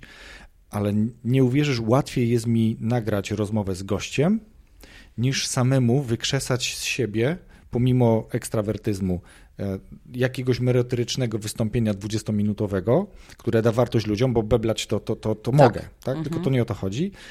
I zmieniłem to. Zmieniłem to i teraz y, było tak, że przez pewien okres czasu dwa odcinki z gościem, później solowy mój, ale w momencie, kiedy wiesz, ja pracuję zawodowo i to jest coś, co robię po pracy. Siedzimy tutaj już jakby prawie pod Tak. wieczór, em, chociaż mogłaś nagrywać wcześniej. I teraz jest tak, że ja nagrywam gości ile mogę, a kiedy uważam, że ja mam czas, to wtedy nagrywam solowy. No i super. I to jest jakby ta, Tak. ta wiesz, no nie mogę nie zmieniać czegoś, co widzę, że mi się nie uda. No, to, to, to nie zadziała, więc no, no No to ale zobacz, sam po powiedziałeś, prostu. to jest ważne, nie? Że, że wziąć mikrofon i gadać samemu jest trudniej niż z drugą stroną, bo jednak jest ta energia, że druga osoba wyzwala energię. Ja mam wrażenie, że my się czasami trochę tego wstydzimy, takiego na przykład proszenia o pomoc albo proszenia o wsparcie, a moim zdaniem to jest najpiękniejsze. Znaczy w ogóle umiejętność wsparcia, dawania, brania, budowania społeczeństwa to jest to, co sprawiło, że my jesteśmy na szczycie łańcucha pokarmowego. No Tak. bo wiesz, jak sobie patrzysz na manu, mamuty, no to przecież one były większe, cięższe, nie? A czemu to człowiek jest na szczycie? Bo zbudowaliśmy po prostu społeczeństwo i tyle, bo się Umieliśmy wspieraliśmy. sobie poradzić z tym mamutem. Po prostu, bo, bo, bo byliśmy w grupie. A ponoć myśmy nie, nie łapali go tam w, w jakimś zespole No. e, myśliwych i, i zabijaliśmy go włóczniami, tylko goniliśmy go i on padał z wycieńczenia. Myślisz, taka historia? historię a, a nie, że tak, jakieś tak, tam doły kopaliśmy i on wpadał? To tak na rysunkach też widać, Tak. ale, ale ponoć to jest taka historia, że właśnie oni byli, te, oni, Tak. one były zabiegane. A, po prostu. Przeciekawe, bym ci nie słyszałam o tym. Tak, taka nowinka. No, tak, jak widzisz, ciekawostka, nie? E, dobrze. Jak zaciukać mamuta, zajechać. Ale wiesz co, powiem ci, podcast, y, jeszcze kończąc ten temat, jest dla mnie wizytówką, jest dla mnie kluczem, Mhm. jest dla mnie y, takim zapleczem pewności. Ja jakby nie należę do osób, które są niepewne, ale Mhm. to mi daje dużo większą pewność i otwartość do tego, żebym napisał do ciebie, zadzwonił Tak. do kogoś jeszcze innego, po to, żeby mm, dać słuchaczom doświadczenie i wiedzę nie tylko swoją. Ja, Mhm. wiesz, no ponad 20 lat Tak. jestem menadżerem i, i mam o czym opowiadać. Jest tych, Mhm. tych case'ów jest naprawdę całkiem dużo, ale ja myślę, że dużo większa wartość jest, jeżeli gość też opowiada. Tak. A jeszcze jeśli potrafi opowiadać i ma tak dużo do opowiedzenia jak ty, Mhm. to to jest coś, co myślę, że dociera. Tak, na pewno. Czy w ogóle ta umiejętność dzielenia się wiedzą? Ja myślę, że to jest piękne, że żyjemy w takich czasach. Ja sobie nie przypominam mm, wcześniej takich czasów, jakie mamy teraz, że ludzie się tak chętnie dzielą tą wiedzą i tak chętnie pytają, proszą. To jest w ogóle niesamowite. Ja zawsze mówię do ludzi, jeżeli ktoś ma coś, co ci się podoba, to wyłącz zawiść, a włącz zazdrość. Bo zawiść polega na tym, że jak ja mam jedną krowę, a ty masz dwie krowy, to myślę, jak ci zaciukać jedną krowę, Mhm. nie? A zazdrość polega na tym, że jak ja mam jedną krowę, a ty masz dwie krowy, to ja kombinuję, co tu zrobić, Co zrobić, żeby mieć trzy albo albo trzy, trzy tak. krowy. Mhm, I teraz jeżeli ktoś ma coś, co mi się podoba, to ja się na przykład nauczyłam nie, nie, nie kombinować, że a ukradł, a oszukał, a niech mu się tam noga powinie, tylko po prostu podchodzę i mówię, ty Wojtek, fajne to masz, kurczę, jak to zdobyłeś, powiedz mi, nie? I to jest niesamowite, bo często ludzie mówią, ktoś mi nie powie. Ja mówię, a spytałeś? Bo na przykład, nie wiem, idę po ulicy i widzę, że dziewczyna ma piękną torebkę. Na przykład mówię, jejku, jaka piękna torebka, gdzie pani kupiła? I często dziewczyny mówią, nie powie mi. Ja mówię, o czym ty mówisz? Oczywiście, że ci powie. Nie, myślałem, że ta zapytana powie, nie powiem.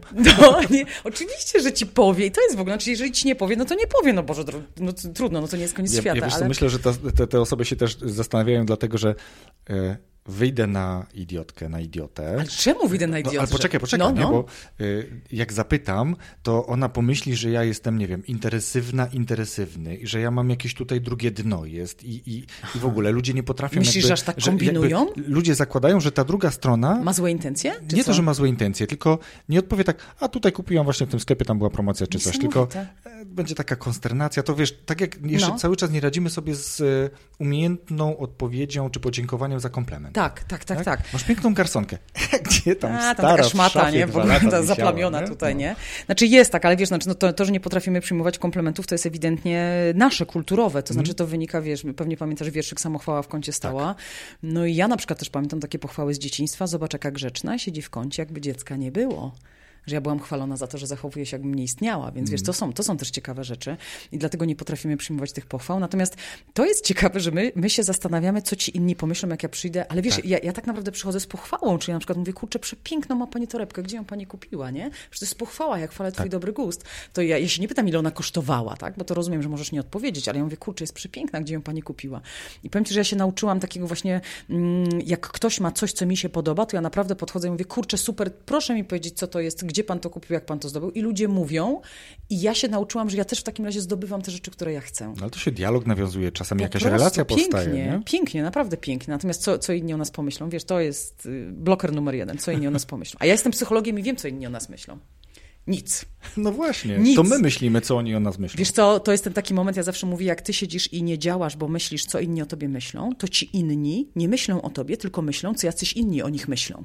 I w tym czasie jacyś inni myślą o tych innych, co inni o nich myślą. pączkowanie. To jest po prostu pączkowanie, to jest absolutnie dramat. Nie? Jak ja mówię, co inni o tobie pomyślą, nic nie myślą. Naprawdę oni, zaufaj mi, Oni oni, mają nie myślą. swoje problemy. Swoje życie Mhm, mają, Dokładnie. absolutnie. Wiesz co, mm, wróćmy trochę do, do, do, do ciebie, do tego twojego mm, zawodu, do tego, Mhm. czym się zajmujesz. Ja mam wrażenie, że z tego, co obserwuję, mm, że ty upodobałaś sobie takie trochę trudniejsze kwestie, Tak. że, że nie, nie skupiasz się na tym, co jest łatwe. No, notabene to jest chyba nawet takie w wielu książkach przemycone, że dobrego lidera czy menadżera nie poznaje się po tym, jak działa w warunkach normalnych, ale jak działa w warunkach trudnych, ekstremalnych, Mhm. wtedy się go poznaje.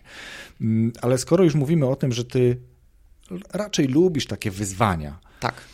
to wyzwaniem dla wielu jest na przykład rozmowa z drugim pracownikiem i danie mu takiej trochę konstruktywnej krytyki, takiej, Mhm. takiej tej, tej, tej trudniejszej informacji zwrotnej. I tutaj nie ukrywam, że są takie pytania od słuchaczy, Mhm. jak sobie w takich sytuacjach radzić, jak taką rozmowę przeprowadzić, jak Mhm. tą informację zwrotną dać. Ja wiem, że ty u Sebastiana mówiłaś na przykład o takich przypadkach, wiesz, jak ktoś tam nie za ładnie pachnie, Pachnie, na przykład, tak, tak, albo coś takiego. no. Ale to są jakby powiedzmy, że takie faktycznie dosyć trudne, bo, bo bardzo personalne, takie bardzo mm, intymne Mhm. uwagi, ale są takie, które czasami dotyczą naprawdę zadań, wiesz, Mhm. codziennych, czy coś takiego i ludzie nie dają informacji zwrotnej Tak. w obawie o to, że ten ktoś, no właśnie. Co on sobie Co on pomyśli? sobie znowu Znaczy wiesz pomyśli? co, pierwsza rzecz w ogóle bardzo ważna jest taka, że no feedback is a feedback. Czyli Mhm. brak informacji zwrotnej to jest informacja zwrotna i ludzie naprawdę nie czytają w naszych myślach. Jak ktoś do mnie przychodzi i mówi tak, jedna najważniejsza psychologiczna Brak rada... kry krytyki to pochwała. Do brak krytyki to pochwała. Natomiast jak do mnie ludzie przychodzą i mówią, jedna najważniejsza rada jako psychologa, którą byś dała ludziom, to ja mówię, jakkolwiek to będzie dla ciebie zaskakujące, ludzie nie czytają w twoich myślach. Naprawdę, to jest, to jest klisze, to jest, to, jest, to jest trywialne, natomiast to jest absolutnie podstawa. I teraz dlaczego o tym mówię? Bo czasami jest tak, że ludzie robią rzeczy, które nas wkurzają. Na przykład siedzieć na open space i koleżanka, nie wiem, tam głośno ciumka coś, albo nie wiem, głośno się chichra, albo nie wiem, coś tam robi. I teraz my zamiast zwrócić jej uwagę, na przykład sapiemy, nie? Takie albo wiesz, albo do kogoś tam innego, no wiesz co, no niektórzy to tak głośno ciumkają, nie? I mówimy tak, żeby ona Żeby usłyszała, ona usłyszała. ale, ale nie mówimy tak, do ale niej. nie mówimy do niej. Potem jesteśmy zdziwieni, że to w ogóle nie działa. Więc ja, ja mam takie wrażenie, że to, co jest w ogóle podstawowe, to nie zakładać, że ktoś się domyśli. I mm, jeżeli chodzi o dawanie feedbacku, to moim zdaniem bardzo ważny jest czas. To znaczy, jak my sobie bardzo długo podkisimy to i bardzo długo to w sobie zbieramy i sobie jeszcze jakichś filmów 13 nakręcimy, to potem jest bardzo trudno zdobyć się na spokojną, merytoryczną rozmowę, bo tam jest tak dużo emocji. I to jest pierwsza ważna rzecz, żeby się złapać, czy ja jestem w stanie spokojnie porozmawiać, czy ja sobie to już taki skis tam zrobiłem, że to już nie będzie spokojnie. W psychologii mamy takie bardzo profesjonalne określenie, gówno wpada w wentylator. To jest taki moment, jak wiesz, jak już sobie tak podkisiłeś, że po prostu próbujesz z kimś pogadać merytorycznie, ale ci po prostu puszcza, ci po Jasne. prostu puszcza. Natomiast moim zdaniem z tym feedbackiem to jest przede wszystkim, no właśnie, bo ludzie często przychodzą i mówią tak, bo ja mu dałem feedback, zwróciłem mu uwagę i on się nie zgodził z tym, co ja powiedziałam. I ja mówię, ale poczekaj, nie zgodził się z faktem czy z opinią? Bo ja mam wrażenie, że problem polega na tym, że my nadal chcemy ludzi częstować swoimi opiniami. Opiniujemy, tak. Po prostu, że ja przychodzę i na przykład mówię, Wojtek, bo ty jesteś głośny. No to to nie jest fakt, to jest moja opinia, tak? Albo ja przychodzę i mówię, Wojtek, bo ty się nie przykładasz. No to to jest opinia, tak? Opinia jest jak dupa, każdy ma swoją. To Ja się nie dziwię, że ktoś się z tym nie zgodził, nie? Więc ja, ja do ludzi mówię tak, naprawdę świat sobie poradzi bez twoich opinii i jeżeli chcesz komuś na coś zwrócić uwagę, to zrób to z poziomu faktów. W ogóle daruj sobie opiniowanie, tak? Czy na przykład podejdź i, i powiedz, y, kurczę Wojtek, bo rozmawiasz na tyle głośno, że ja nie słyszę, co klient mówi y, przez słuchawkę. Mógłbyś być troszeczkę ciszej? Ja, ja nie wartościuję, czy to jest dobre, czy to jest złe, czy to jesteś porąbany, czy jakie. Ja mówię, kurczę Wojtek, wiesz, bo tak, ta, tak cię głośno słyszę, że nie słyszę klienta w słuchawce. Czy możesz być troszeczkę ciszej? No i tutaj się oczywiście pojawia pytanie, co jeżeli ktoś się obrazi? No ale ludzie, ma się obrazić na to, że ja nazwałem fakt? Na przykład, nie? Wiesz, wiesz o, to- o, o to mi chodzi, że, że ja po prostu nie wartościuję, tego nie opiniuję, tylko ja ci zwracam uwagę. Jeżeli ktoś jest bardzo mocno przewrażliwiony, to ja zawsze proponuję, żeby y, zanim się zwróci uwagę, ugłośnić swoją y, intencję. Czyli na przykład powiedzieć, posłuchaj, mówię ci o tym, bo mi na przykład zależy na tej naszej relacji. Ja to często mówię a propos feedbacku, bardzo ważna rzecz dla menadżerów, nie daje się feedbacku, jeżeli nam na kimś nie zależy. Bo jeżeli mi na kimś nie zależy, to ja po prostu czekam, aż on padnie, prawda, zbieram haki, dziękuję, do widzenia i tyle. Natomiast jeżeli mi na kimś zależy, to ja mu daję feedback. I to jest w ogóle ważne, żeby jak idziemy do osoby, która jest być może troszkę bardziej przewrażliwiona na swoim punkcie, to powiedzieć, posłuchaj Wojtek, przychodzę do ciebie z informacją zwrotną, bo mi na tobie zależy bo wiem, że jesteś fajny, bo lubię z tobą pracować, mhm. bo chcę, żeby nam się pracowało jeszcze lepiej. Dlatego chcę ci przekazać informację zwrotną, bo moja intencja jest taka, żeby nam się pracowało jeszcze lepiej. Na przykład, nie? I powiedzieć, tak, że, że, że mówię to po to, żeby było lepiej. Natomiast ja się zastanawiam, na ile czasami rozwiązaniem nie jest feedback, a feed forward że, że, że feed forward, czyli takie mówienie o tym, co było, co zrobiłeś, czego nie zrobiłeś i tak dalej. Natomiast to już jest poza obszarem naszego wpływu. I bardzo często ludzie, no właśnie, szukają winnych, uruchamiają no, się mechanizmy obronne. to jest coś, na czym powinniśmy się koncentrować, nie? Bo to... No właśnie, bo wiesz co... Co, co dobrego z tego będzie? Co dobrego z tego będzie, że ja przyjdę i na przykład ci powiem, bo wiesz co, Wojtek, bo ty wczoraj podszedłeś i tak spojrzałeś na mnie krzywo i ja się poczułam urażona i poczułam się zdegustowana i serce mi pękło na pół i w ogóle zbierała mnie trzy godziny. Jak gdyby, no to już się wydarzyło, to już nie za wiele jesteśmy w stanie z tym zrobić. No i tu też nie ma merytoryki, nie? No i tutaj po prostu o co chodzi. Natomiast y, moim zdaniem warto iść fit forward, czyli powiedzieć na przykład, wiesz co Wojtek, bo mieliśmy wczoraj taką sytuację, byliśmy na kolu i na tym kolu klient się zapytał, co my myślimy na ten temat.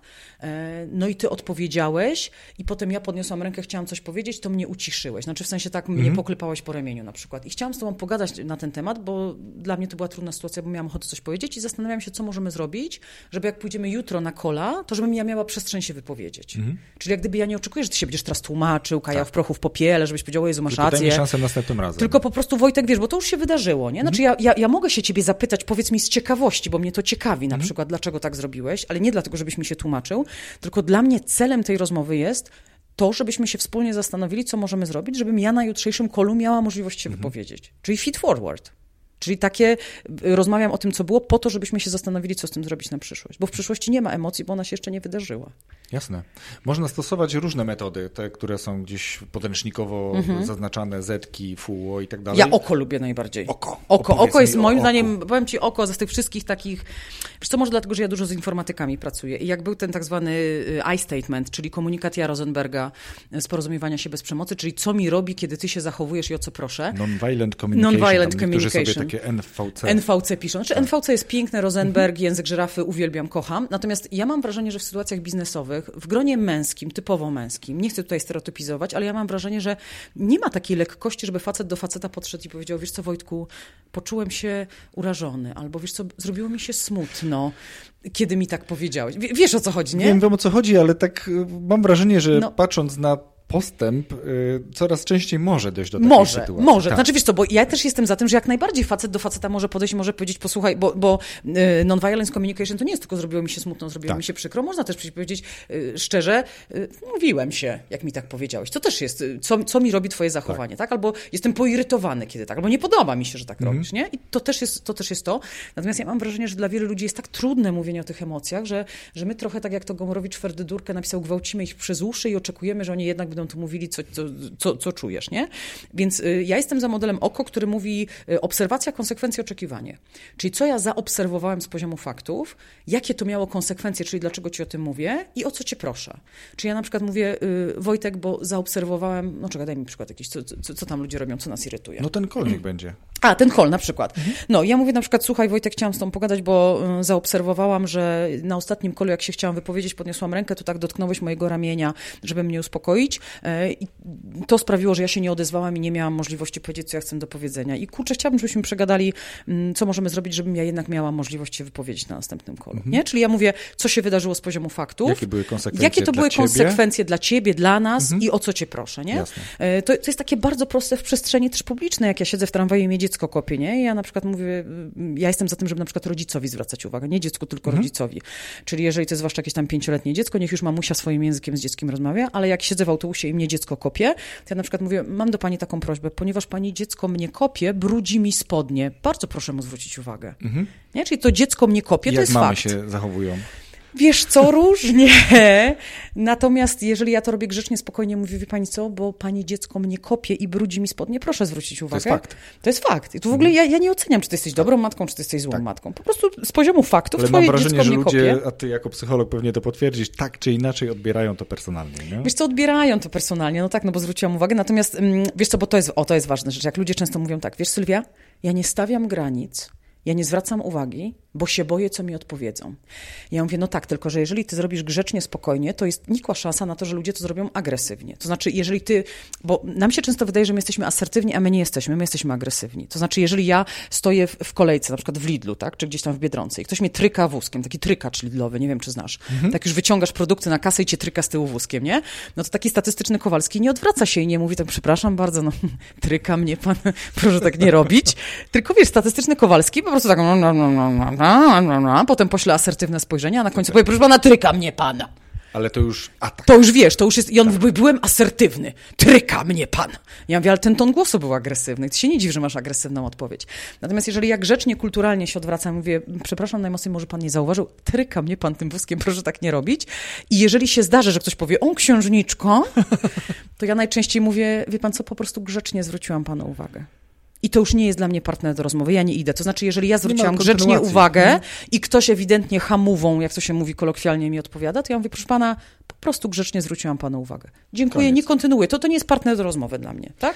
Ale myślę, że nawet jeżeli ta osoba odbierze to, wracając do tej mamy, odbierze Mhm. to personalnie, to ja myślę, że my spełniliśmy swoje. My, Tak. my jakby sami Tak. siebie znaczy nie Nie mam sobie nic to- do to- zarzucenia, ale nie? właśnie, nie mam tak, sobie, nie mam ja sobie nic zrobiłem, do, tak, co mogłem. Tak, znaczy, bo to też jest, wiesz, bo ja mam wrażenie, że my dużo mówimy o pewności siebie i mówimy na przykład o afirmacjach, tak, że stoję przed lustrem, jestem diamentem, jestem zwycięzcą, jestem piękna. Szczerze, mamy badania, które mówią o tym, że jeżeli afirmacje są niespójne z tym, co naprawdę myślisz na swój temat, to przynoszą ci więcej szkody niż pożytku, bo powodują jeszcze głębszy dysonans poznawczy. Więc afirmuj to, z czym jesteś spójny. Czyli jeżeli patrzę w lustro i myślę sobie, jestem fajną babką, to mówię, o Sylwia, jesteś fajną babką. Ale nie stoję przed lustrem i nie mówię, jesteś najpiękniejszą gwiazdą świata, bo tak o sobie nie myślę. Więc y, jeżeli chodzi o pewność siebie, afirmacje są ważne, natomiast moim zdaniem ważniejsza jest taka codzienna skuteczność i budowanie tego szacunku do siebie poprzez asertywność. Czyli wiesz, jak ja siedzę w tym tramwaju i to dziecko mnie kopie i ja nie zwrócę uwagi, bo się boję, że ta matka na mnie nakrzyczy albo coś i wysiadam z tego autobusu i zamieniam się w doktora trzeba było. Trzeba było coś powiedzieć, trzeba było postawić granicę, trzeba było jakoś się obronić, to twoja pewność siebie spada, bo ty mówisz, kurczę, no to może ja jestem nie wart tego, żeby zadbać o siebie, nie? A jak siedzisz w tym autobusie i to dziecko cię kopie i brudzi ci te fajne, nowe spodnie za dwie stówy i ty się odwracasz do tej, mówi, do tej mamy i mówisz, przepraszam panią najmocniej, bo pani dziecko mnie kopie, brudzi mi spodnie, bardzo proszę zwrócić uwagę. Grzecznie, spokojnie. To twoja pewność siebie rośnie, bo ty mówisz, kurde, jestem ważna. A nie ma później riposty na schodach. No, dokładnie, dokładnie, wiesz. No i, no i może się zdarzyć, o tam to tylko dziecko, nie? O tam to tylko dziecko. Ja mówię, rozumiem, natomiast brudzi mi spodnie. Mhm. I brudzi koniec. mi spodnie. I koniec. I myślisz, koniec. że to, to są takie rzeczy, które zarówno na tym gruncie prywatnym, jak i, jak i na gruncie zawodowym, y, bycie fair ze sobą samym w udzielaniu takich informacji zwrotnych wszelakich, tak jak powiedziałaś Tak. w kolejce w Lidlu, w Tak. tramwaju, ale również w pracy, Tak. to jest klucz, to jest wszystko. Absolutnie, to wiesz, grzecznie, spokojnie. Prostota, znowu taka prostota. prostota. absolutnie. Fakty, nazywać fakty. Na przykład, proszę pana, szturchnął mnie pan, albo tam kopnął mnie pan. Bardzo proszę tak nie robić, tak? Jak ja siedzę w kinie i ktoś mnie kopie w krzesło, albo siedzę w teatrze i ktoś mnie kopie, to ja się odwracam i mówię tak, przepraszam najmocniej, kopie mnie pan, proszę tak nie robić. Dokładnie takim tonem Wiesz to co, mówię. to kino to mi się tak od razu włączył taki przykład, bo byłem świadkiem tylko, no właśnie, jak powinienem się zachować, jak się No. zachowałem. Kilka miejsc dalej Mhm. siedziała rodzinka, ale to było kilka, więc ja nie mógłbym raczej przekazać tego, chyba żebym krzyknał w trakcie seansu. No, no, Albo już, podszedł, już się tak? usprawiedliwiam, nie? Aha, okej. A byli ludzie między wami, czy Byli. Byli. Byli. Mhm, okej. I tam nagle, wiesz, jakby ktoś przyszedł i prawie rozłożył taki stolik biga, biwakowy, wiesz, szeleszczenie. Tam Aha, aha. Nie przyszli do kina na film, tylko chyba tam e, zapomnieli Tak. zjeść obiadu. Nie? No i właśnie to jest coś takiego, że pewnie gdyby to, to ja, ja mówię dalej, usprawiedliwiam siebie, bo nie zrobiłem tak, Przynajmniej jak, jesteś tego świadomy, no. że gdyby siedziała ta osoba obok mnie, prawdopodobnie, bo się nie Mhm. wydarzyło, więc Tak. mówię prawdopodobnie, powiedziałbym, przepraszam, ale strasznie szeleszczą te foliowe opakowania i przeszkadzają mi oglądać film. Tak. Tak? Czy mógłby pan troszeczkę fakt. ciszej, tak, Czy to otwierać? Tak? Albo powstrzymać się, albo No, lepiej się tylko- przygotować. dobra, no dobra, właśnie, no. powstrzymać to już No właśnie, no bo wiesz, o co chodzi, tak? No też musimy już się urealniać, Na, no. Już wchodzimy na, na ten, e, w jego strefę. E, Ale, a, a to z racji na to, że oni siedzieli Mhm. trochę dalej, to ja miałem te takie... Nie? Te sapnięcia takie, Tak. no bo trochę bezradność. Tak. E, no właśnie, no i pytanie, czy coś więcej niż bezradność? No właśnie, no bo to jest znowu pytanie, co ja mogłem zrobić. No mogłem krzyknąć pod tytułem, ej, ci tam, biwakowicze! No i to jest już ten atak. To to już jest trochę atak, Mhm. tak? Znaczy ja sobie nie wyobrażam, że nagle się podnosisz i przyciskasz się przez tych ludzi, Tak. nie? Natomiast ja bym pewnie bardziej chyba jakoś kontakt wzrokowy nawiązała, jakoś tak bym się wychyliła, byłoby- albo tam ciemno no, było, okej, no tak. Znaczy wiesz co, szczerze, no właśnie, no to, to trzeba sobie zadać pytanie, co było realne. Znaczy jeżeli nie zareagowałeś, no to no nie zareagowałeś, no bo co, no przyciskać się przez ludzi, Mam o czym dzisiaj opowiadać, nie? No, po prostu masz o czym dzisiaj opowiadać. Natomiast wiesz, bo to też, też moim zdaniem bardzo cienka jest granica, zwłaszcza jak mówimy o open space'ie, m, tak zwanym w korporacjach, czyli to taka przestrzeń otwarta, na co my zwracamy uwagę i na ile uwaga, to coś, co nam przeszkadza jest w obszarze wpływu tej osoby. Bo czasami ludzie do mnie przychodzą i na przykład mówią, wiesz Sylwia, bo on tak głośno oddycha. No i Na przykład, nie? Ja mówię, no, i- no i co, no mi to przeszkadza, ja się nie mogę skupić. Ja mówię, no ale wiesz, może on ma krzywą przegradę nosową czy coś takiego, no, no nie wiem, no ale wiesz, jak gdyby są takie rzeczy, na które ta osoba nie do końca ma wpływ. Ja mogę podejść i mogę powiedzieć, Wojtku, wiesz co, bo ty bardzo, Sapiesz. bardzo głośno oddychasz, sapiesz, znaczy sapiesz to już jest opinia, Okej, nie? jasne. Czy ja mówię, wiesz co, no, z poziomu faktów głośno oddychasz, ja nie mogę się skupić, no ale Wojtek mi odpowie, no ale co ja mam zrobić, nie oddychać? Nie, że jak gdyby my często zapominamy o tym, że open space i praca to jest taka przestrzeń publiczna i my czasami musimy chodzić na pewne kompromisy, nie? Że wiesz, ktoś ma kola, ktoś ma coś tam, ktoś ma urodziny, więc tam w drugim kącie śpiewają 100 lat, ktoś robi stand-upa gdzieś, mm, czy jakiś tam daily huddle, czy jak to się w firmach nazywa różnych. Więc jak gdyby też chodzi się czasami na kompromisy. Stawia się granice, oczywiście nie ma zgody na to, że przynosisz śmierdzącą rybę do biurka, nie wiem, dłubiesz nosie, wycierasz klawiaturę, no, no inne takie y, przykłady. Natomiast też trzeba sobie zadać pytanie, na ile to, co mi przeszkadza, jest w obszarze wpływu tej osoby i na ile faktycznie to jest czasami cena, którą płacimy za open space. Wiesz, no te walki o klimę. To jest niesamowite, nie? Że jak słyszę Mniej jest za klimatyzacja, zimno, mniej jest za mniej jest za ciepło. ciepło, mniej jest za gorąco. Wiele firm już robi tak, że ustawia na sztywno, jak chcesz zmienić, to tiketa musisz wystawić, nie? Po prostu. Natomiast, no bo nie dogodzisz. Wiesz, kobiety, kobiety lubią troszeczkę cieplej, kobiety lubią 22-23 stopnie, a faceci tak 20-21, nie? Plus kto siedzi pod nawiewem. tak, na Natomiast kogo bezpośrednio nad kogo wieje, bezpośrednio oczywiście. wieje, to, to w ogóle, wiesz, wojny, wojny klimatyzacyjne, no po prostu, no nie do rozwiązania. Natomiast no czasami trzeba po prostu powiedzieć, dobra, słuchajcie, ustalamy jako grupa, że dajemy tam, nie wiem, 21 stopni, y, ty- weź sobie trochę sweter, ty weź szal, ty, ty się trochę tam rozbierz i tyle, no ale Dogadajmy no, się, Dogadajmy porozmawiajmy o się, tym? Mhm. dogadajmy się, ale to też, widzisz, bo to y, ważną rzecz zwróciłeś uwagę. Ja na przykład też z dzieciństwa pamiętam takie zdanie, bo ja mam młodszą siostrę i takie zdanie słyszałam, Sylwuniu, bądź mądrzejsza. Ustąp. Ustąp. Mhm. I ja jak to słyszałam, to mną targało, bo ja mówiłam, nie dosyć, że ona mi włazi na głowę, to ja jeszcze mam się dać bardziej, wiesz, wejść jeszcze wyżej na tą głowę. I ja na przykład dzisiaj mojego syna wychowuję tak, że mówię, młody, bądź mądrzejszy, dogadaj się. Mhm. Bądź mądrzejszy, dogadaj się, idź powiedz, czego ty chcesz, zapytaj się Huberta, czego on chce i wspólnie znajdźcie rozwiązanie. Bądź mądrzejszy, dogadaj się, nie strzelaj focha, nie obrażaj się, tak? bo to są takie zachowania bierno-agresywne. E, Tylko po prostu bądź mądrzejszy, dogadaj się. I to jest moim zdaniem na przykład takie dojrzałe, żeby podejść i powiedzieć, kurczę, tobie wieje, mnie coś tam przeszkadza, dogadajmy się, pogadajmy o tym. Podoba mi się to, jak ewaluuje sposób komunikowania. Mhm. Jak jest taki świadomy, bo ja już z kilkoma gośćmi, gośćmi, tak, chyba tak, rozmawiałem Mhm. o tym i rozmowę chociażby ostatnio z, czy z Eweliną, czy, czy wcześniej z Krzysztofem, który mówi, że w przypadku, kiedy jego dwójka dzieci na przykład, y, jedno drugie pchnęło, Mhm. no to standardowo ja na przykład, taki rodzic w czasach, kiedy moje dzieci były małe, byłem niewyedukowany, więc powiedziałbym, co robisz? Mhm. Czemu go y, pchasz? Tak? No jakby efekt jest y, zerowy, no, no nie ma Mhm. jakby odpowiedzi, nie ma dialogu. Natomiast Krzysztof bardzo fajnie to powiedział, co chciałeś osiągnąć tym, że go pchnąłeś? Mhm. Dlaczego Tak? to zrobić? Znaczy, I, po, i tu co to jakby robisz? dziecko tak? nie może powiedzieć, bo tak, nie? Aha. Tylko to już wtedy najczęściej jest jakiś taki wyrzut Aha. sumienia, jest już jakieś takie Aha. nawiązanie właśnie tego, tego dialogu i jest ta, ta rozmowa właśnie, dlaczego tak się zadziało, nie? Mhm. I, i, i Tak. kwestia dogadania się. Tak. I to chciałem pociągnąć jeszcze trochę tak, patrzę, że sobie już fajnie godzinkę rozmawiamy, ale, ale zależy mi na tym, żebyśmy domknęli na przykład naszą rozmowę jeszcze takim tematem, który powiedziałaś też y, przy okazji informacji zwrotnej, że kisi się w nas Tak, coś. oj, ja klucz. strasznie nie lubię czegoś Mhm. takiego, jak ludzie mm, to niestety bywa w korporacjach. Jest tak zwany okres podsumowań, rozmów Tak. rocznych, rozmów oceniających, jakkolwiek się to nazywa. I ludzie sobie czasami potrafią przez cały rok coś tam notować, a później się to wywala. Wiesz co, to jest bardzo nie fair. Znaczy, moim zdaniem to jest po prostu nie fair. Ja to nazywam rzeczy wprost, bo jeżeli masz osobę, która robi coś, co ci się nie podoba, i ty jej o tym nie powiesz, to ona naprawdę się nie domyśli, nie przeczyta w twoich myślach, że to jest nie okej. Okay. I jeżeli do pierwszym takim momentem, kiedy ona się dowiaduje, że tobie to przeszkadza, jest rozmowa oceniająca, to naprawdę coś głęboko jest nie tak. Mhm. Nie? I ja jestem absolutnie... I niekoniecznie, a raczej na pewno nie z tą osobą. Na pewno nie z tą osobą, mhm. tylko ewidentnie z tobą. I chyba dla mnie bardzo często to jest bardzo demotywujące, jak pracownicy właśnie mówią, wiesz Sylwia, poszedłem na tą rozmowę e, oceniającą i ja się dopiero wtedy dowiedziałem, że mojemu szefowi nie podoba się ABCD. 10 miesięcy 10 temu miesięcy temu, albo nawet nie? 3 miesiące temu. No. I teraz wiesz, ktoś przychodzi na rozmowę oceniającą i mówi, ale ja nie miałem szansy. Ja, ja, ja mi, mi, nie dano Do szansy. Do tego właśnie chciałem nawiązać, no. że ta informacja zwrotna, o której rozmawialiśmy chwilkę temu, najlepiej się sprawdza, jeśli następuje natychmiast. Natychmiast, tak, ona musi być natychmiast. Bo tego wiesz? chyba nie powiedzieliśmy, a natychmiast, tak. bo w momencie, kiedy tak. nie daj Boże ktoś pójdzie na urlop, zachoruje, tak. wraca po weekendzie, mhm. to się już tak wystudziło, tak. tyle razy już się ktoś tak. przespał z tym, tak. że on ja? No. coś zrobiłem? Znaczy, wiesz co, to musi być natychmiast i to też i pochwała i, i taka, tak. takie zwrócenie uwagi na coś, to musi być natychmiast, natomiast no to jest po prostu, zobacz, to jest to, jest to, co, to co mówiłam, że informacja zwrotna,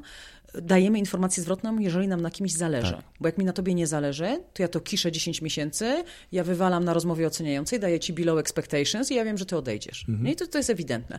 Natomiast jeżeli mi na tobie zależy, to ja ci daję szansę. Informacja zwrotna jest dawaniem szansy, takim pokazaniem, że mi na tobie Powiedzmy zależy. jeszcze jedną rzecz, y, chyba, że coś się zmieniło przez lata, ale ja tak sobie to zakorzeniłem mocno, że chwalimy mhm. szeroko. Tak. Możemy to zrobić mhm. i fajnie, jeśli robimy to przy kimś. Aha. Oczywiście umiejętnie, tak? No bo to mhm. też może potęgować tak. pewne tam y, niekoniecznie dobre relacje, jak to zrobimy źle. Ale jeśli no. zwracamy informację i ta informacja jest y, tą krytyczną, dyscyplinującą, na przykład. To, korygującą, tak? Korygującą właśnie, to twarzą w twarz. I teraz tak, y, odpowiem jak konsultant, to zależy. to znaczy tak, jeżeli chodzi o pozytywny feedback, na pewno fajnie, żeby wszyscy widzieli, słyszeli, mhm. jeżeli to służy tej osobie. Tak. Jeżeli ta osoba lubi być takie na świeczniku, bo ja znam osoby, byłam wielokrotnie świadkiem, jak właśnie na jakimś tam town hallu, czy jakimś innym meetingu, a tutaj brawa dla Kasi, która coś tam zrobiła i Kasia, rozumiesz, ponsowieje, blednie, stan przedzawałowy. Tak, absolutnie, więc tutaj też trzeba moim to zdaniem... To nie ona. Tak, to nie ona w ogóle, wiesz, i pracownik, który naprawdę czuje się, no, no wiesz, no stan przedzawałowy, tak. nie? Więc moim zdaniem to też trzeba sprawdzić, czy to jest osoba, która potrzebuje, lubi ją to motywuje, bo bardzo często taka osoba przyjdzie i powie, Jezu, błagam cię, tylko nie chwal mnie na, na town hallu, bo po prostu to jest dla mnie tak stresujące, że mnie to okay. demotywuje. Mhm. Więc jeżeli to jest osoba, która to lubi, okej, okay, super. Natomiast jeżeli chodzi o taką informację zwrotną krytykującą, zgadzam się, nigdy przy zespole, mhm. zawsze bierzemy na tak zwanego one-to-one'a. Natomiast uwaga, są wyjątki. Są wyjątki, kiedy pracownik znacząco narusza pewne granice i ja muszę postawić granice, żeby zespół to słyszał i biorę pracownika na, potem na tak zwanego one-to-one'a i to jest tak zwany case spadaj. Mhm. To jest taka sytuacja, jak na przykład siedzimy sobie gdzieś tam na open space i ja podchodzę do mojego pracownika i mówię, Zosiu, mam prośbę, sprawdź mi coś tam w systemie. A Zosia się odwraca i mówi, spadaj. I to jest tak straszny case. I teraz być może ludzie, którzy nas teraz słuchają, to myślą sobie, że takie rzeczy się nie dzieją. Kochani, dzieją się, dzieją się regularnie. To mm. wam mhm. podpowiadam jako osoba, która od I 17 lat... I to nie musi być open space. I to nie musi być open space, natomiast case spadaj, albo w ogóle spaduwa, albo w ogóle gąsie, to to albo jest... pracownik wychodzi ze spotkania, tak, trzaska drzwiami. Dokładnie, więc takie rzeczy się dzieją. I teraz jeżeli ja przychodzę do mojego pracownika i mówię, Zosiu, mam do ciebie prośbę, sprawdź mi proszę coś tam w systemie i ona się odwraca i mówi, spadaj, to pierwsza rzecz, którą ja mówię, to mówię tak, Zosiu, nie podoba mi się twój sposób komunikacji, zapraszam na spotkanie. Mhm. Natomiast zespół musi usłyszeć postawienie granicy pod tytułem mhm. nie podoba mi się, jak się do mnie odzywasz. I to jest na przykład, wiesz, bo tutaj mm, to było trochę skarcenie przy innych, natomiast mhm. to musiało mieć miejsce, bo ja muszę pokazać, że są pewne rzeczy, które są ok, a które są nie ok w zespole. I potem sobie biorę tą osobę na Antuana tak zwanego, Antuana, jak to mówi moja mama, czyli jeden na jeden i rozmawiam z tym pracownikiem i mówię, Zosiu, co to było? Co to było, tak? Przecież nie odnosimy się tak do siebie w tym zespole. Ja się tak do ciebie nie odnoszę, nie odnoszę się do innych. Dlaczego ty powiedziałeś do mnie spadać? O co chodzi w ogóle? Co, co się wydarzyło? Tak? Jak, jaka, jaka tam intencja była za tym? Próbuję zrozumieć tego pracownika, no i umawiamy się na przyszłość, co zrobić, żeby takich komunikatów nie było. Natomiast to postawienie granicy, czyli nie podoba mi się, jak się do mnie odzywasz, musi paść przy innych, żeby mhm. oni słyszeli postawienie granicy. Zgadza się. I już na koniec naprawdę obiecuję. Często słyszę zarządzanie przez konflikt, zarządzanie mhm. konfliktem. no. Ja nawet kiedyś, jak byłem lata temu na jakiejś rozmowie mm, o pracę, to też mnie pytano, jak sobie radzę z konfliktem. I przy czym jak powiedziałem, że nie radzę sobie, mhm. bo nie miałem okazji. Zawsze mhm. jakby ta komunikacja jest na tyle bieżąca, że nie miało okazji, ten konflikt nie miał okazji powstać. No to takie dziwne spojrzenia. Można zarządzać bez konfliktu, To znaczy świadomie nie wywoływać konfliktów, tak. Mhm. Natomiast konfliktów nie da się uniknąć. No, Moim zdaniem nie, nie, absolutnie. Znaczy, znam liderów, którzy zarządzają tak, przez co, konflikt. tylko że jeszcze no. tak wejdę słowo, bo y, żebyśmy dobrze rozumieli, co jest mhm. konfliktem, nie? bo jeżeli z kimś się nie zgadzam, to nie oznacza, że to, to jest, konflikt, konflikt. Tak? To jest różnica zdań. Znaczy, wiesz co, widzisz, no chyba o to się rozbijamy. Właśnie co to jest konflikt? Mamy pięć rodzajów konfliktów. Konflikt wartości, konflikt zasobów, konflikt relacji, konflikt danych i konflikt interesów. I teraz konflikt wartości, no to najtrudniejszy konflikt tak naprawdę nie do rozwiązania. Czyli to jest taki konflikt właśnie światopoglądowy, polityczny. Jest takie, wiesz, jak siedzisz przy rodzinnym stole przy wujku tak. kasku i on głosował na partię A, ty na partię B, no nie ma możliwości, żebyście nagle racjonalnymi argumentami, wiesz... Dogadali się. Dogadali się. Jedyne rozwiązanie to trzeba powiedzieć, dobra, dobra, wujku polej, nie? I koniec, i zmienić temat, bo to bez sensu w ogóle. Konflikt tak, wartości tak. jest nie do rozwiązania. Konflikt danych to jest takie klasyczne miscommunication, czyli takie niedogadanie się. Znaczy, ty mi czegoś ja nie powiedziałeś, na szóstkę, tak, na, na dziewiątkę. dziewiątkę. To jest konflikt danych. Albo na przykład ja ci mówię, że coś tam, coś tam, a ty mówisz, a ja nie wiem. Ja mówię, przecież klient napisał, a ty mówisz, o kurde, ja nie byłem w kopii, mhm. na przykład. Nie? I to jest takie klasyczne tak, tak nieporozumienie. Tak, tak. My to też mówimy konflikt w psychologii, natomiast no, czy to jest konflikt? Nie? Pytanie. Potem mamy konflikt relacji, najtrudniejszy moim zdaniem. Znaczy po prostu kogoś nie lubię, na przykład, albo no nie wiem, nie pasuje mi kogoś styl. I teraz, wiesz, to może wynikać z jakiejś y, zaszłości, czyli ktoś mi kiedyś jakąś przykrość sprawił, albo coś się wydarzyło, natomiast czasami jest tak, że my po prostu kogoś nie lubimy. Ja tu nie chcę wnikać Chemia. w teorię, w, w teorię Junga cienia, czyli co mi tam u ciebie rezonuje, bo to pewnie mogłabym tutaj naszym słuchaczom wytłumaczyć, ale to temat na osobny podcast, czym jest koncepcja cienia Junga. Natomiast po prostu chemia, no, no nie pasujesz mhm. mi, tak? No coś, coś takiego się dzieje i to też, wiesz, to nie jest przedszkole, że, że ja biorę Kasię, Basię i mówię, no dziewczynki, teraz proszę zdać buzi i iść razem pracować, tak? No jak ludzie się nie lubią, to się po prostu nie lubią. Mhm. Ja mogę prosić o to, żeby się nauczyli współpracować ze sobą, ale ja nie mogę wymagać, żeby oni się lubili. Mhm. Potem mamy konflikt yy, zasobów, najczęstszy. Konflikt zasobów, czyli na przykład, nie wiem, o czas, tak? Czyli y, przychodzi prośba, żebyśmy się czymś zajęli, ja mówię, ja nie mam czasu, Wojtek mówi, ja też nie mam czasu. I to jest konflikt zasobów Nara. tak naprawdę, no bo żaden z nas nie ma zasobu, żeby się tym zająć, tak? To nie jest tak, że ja chcę cię upupić, żebyś ty siedział w nadgodzinach, bo cię nie lubię, no chyba, że tak jest, ale to wtedy nie jest konflikt zasobów, tylko konflikt relacji. Natomiast jeżeli po prostu się spieramy o to, kto ma się zająć jakimś zadaniem, to to jest konflikt zasobów, to trzeba na drodze negocjacji i komunikacji się dogadać. No i konflikt interesów, też taki trudny, ale teoretycznie do rozwiązania, czyli ja chcę czegoś innego, czego ty chcesz, tak? Czyli bardzo często widać, jak mamy tak zwane transition procesów, czyli proces jest przenoszony na przykład do Polski, no i w naszym interesie jest, żeby on był przeniesiony jak najlepiej, a w interesie klienta, żeby pokazać, że to jednak nie do końca jest dobra decyzja, że ten proces jest przenoszony. To też jest do rozwiązania, ale jest na pewno bardzo trudne. Więc wiesz, jak gdyby jak, jak rozumiesz, jakie są konflikty, to się nagle okazuje, że te konflikty masz, tylko mhm. po prostu ty może nie używasz słowa konflikt. Mhm. Więc y, czy zarządzać przez, przez konflikt? Ja uważam, że nie, chociaż znam wielu menadżerów, którzy świadomie konfliktują zespół, bo słaby zespół jest łatwiejszy do manipulowania. Natomiast moim zdaniem umiejętność zarządzania jest faktycznie jedną z ważniejszych zdolności lidera, bo te konflikty będą. Mm, I chyba takie najtrudniejsze konflikty to są takie konflikty, kiedy ludzie zaczynają się ze sobą porównywać. To bardzo ładnie widać na poziomie pensji i to pokazuje, że nie pieniądze motywują, tylko jak te pieniądze są postrzegane. Bo ja mogę zarabiać 30 tysięcy miesięcznie, ale jeżeli usłyszę, że ty za swoją pracę zarabiasz 31, to mnie już to 30 nie motywuje. Ja przychodzę i mówię, a czemu on zarabia więcej? I tu już mamy, wiesz, gotowy konflikt. Mhm. Na przykład takim konfliktem bardzo trudno się zarządza. Takim, gdzie ludzie faktycznie rywalizują, porównują się, mają poczucie krzywdy, poczucie żalu, poczucie niesprawiedliwości. To są takie najtrudniejsze przypadki dla menedżerów. Jasne. Bardzo Ci dziękuję. E, ja również. Poleć w takim razie jeszcze, e, proszę, książkę, książki, jakiś mhm. materiał, ciekawe wystąpienie, TED, cokolwiek, mhm. co w ostatnim czasie albo w ogóle utkwiło ci w pamięci i niesie za sobą jakąś ciekawą wartość. Oprócz mojej książki oczywiście. Dlaczego nie? ja oczywiście najbardziej polecam moją książkę Siedem wyzwań lidera. Jeden rozdział to jeden dzień szkoleniowy. Książka mega narzędziowa. Tam są narzędzia, tam są konkrety, więc jeżeli szukacie narzędziówki, to bardzo wam polecam. Natomiast y, ja bardzo mocno polecam, jeżeli słuchają nas kobiety. Ja jestem bardzo dużą fanką Sheryl Sandberg, szefowa Facebooka. Mhm. Bardzo fajnego TEDa. Chyba nawet tytuł jest taki jak książka, czyli Lean In, wejdź do gry. Lean In, wejdź do gry. Ja słyszałem o tym, ale -hmm. nie oglądałem go Okej, okay, to to jest bardzo dobry, fajny, fajny TED i książka jest, dziewczyny, bardzo wam polecam. Ostatnio przechodziłem przez też polecane -hmm. przez kobiety dla kobiet Brené Brown. To, to Brené też, Brown, tak, tak, tak, tak, tak, taka z, z odwagą, tak, to tak. jest takie y, okej, okay. natomiast ja lubię Sheryl Sandberg, bo to jest kobieta, która jest bardzo mocno, twardo stąpającą po ziemi, jest bardzo kobieca, przy tym bardzo taka decyzyjna, no absolutnie jestem fanką, więc bardzo, bardzo mocno wam polecam e, Lean In, wejdź do gry, Sheryl Sandberg i Teda i jej książkę. I co ja wam jeszcze mogę polecić? No te rozmyślania Marka Aureliusza. Ja wam w ogóle polecam filozofię. Jeżeli ktoś chce zacząć z filozofią, jest taka bardzo mm, dobra książka, ona była wiele lat temu popularna, nie wiem czy ją czytałeś, Świat Zofii. Nie. Świat Zofii to jest książka beletrystyka, mm, gdzie każdy rozdział to jest właśnie inna filozofia i to jest y, opowieść o, o dziewczynce, która dostaje listę od nieznajomego i on jej tam tłumaczy filozofię. To jest w ogóle przeciekawie napisana książka, beletrystyka.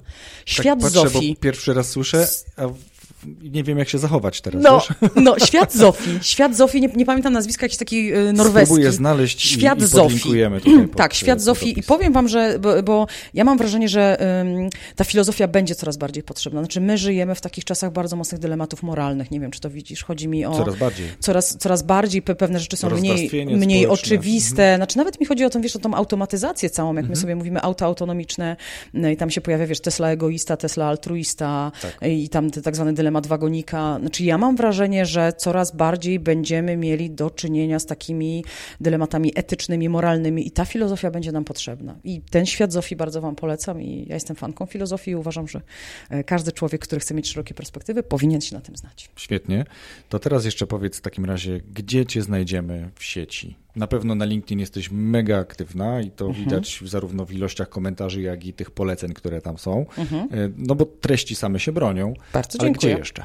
E, Na Facebooku Mhm. można mnie, na, na YouTubie jakoś tak, kurczę, próbuję się cały czas, wiesz, jakoś tam odnaleźć, ale jakoś tak mentalnie mi Mhm. jest trudno. Natomiast polecam wam, bo na YouTubie jest ten filmik, e, 15-minutowy tutorial, jak powiedzieć komuś, że brzydko pachnie. Tak, to słyszałem u Sebastiana e, Tak. i faktycznie. I on jest, i on jest, powiem ci, i dom, to jest niesamowite, no nawet wczoraj prowadziłam szkolenie Instrukcja krok po Tak, kroku. i powiem ci, że wczoraj prowadziłam szkolenie i właśnie uczestnik przyszedł i powiedział tak, ja ci chciałem dać feedback, że miałem kiedyś pracownika, który brzydko pachniał, obejrzałem ten twój film, zastosowałem i działa. Ja Mhm. mówię, i dziękuję. Po prostu, bo to jest skuteczność jest miarą prawdy. Dokładnie. Jak to mówi filozofia Huny. Więc na pewno zapraszam, zapraszam tutaj. No i zapraszam do moich książek. Napisałam dwie. Pierwsza to jest Co zrobić, żeby awansować i, i się rozwijać, czyli promote. No i druga, jak już się rozwinąłeś, jesteś liderem, siedem wyzwań lidera. Więc zapraszam, zapraszam serdecznie. A jak, ktoś, a jak ktoś lubi właśnie słuchać, to LinkedIn i, i Facebook, tam się dużo dzieje. A strona? www.sylwiakrólikowska.com Okej. Wszystko to będzie podlinkowane. Ja Tobie bardzo serdecznie dziękuję Ja też za dziękuję. rozmowę. Było mi niezmiernie miło. Mnie również bardzo energicznie, inspirująco i dla mnie również bardzo rozpulchniająco, więc dziękuję Ci. Bardzo dziękuję. Dzięki. Rozwój osobisty dla każdego.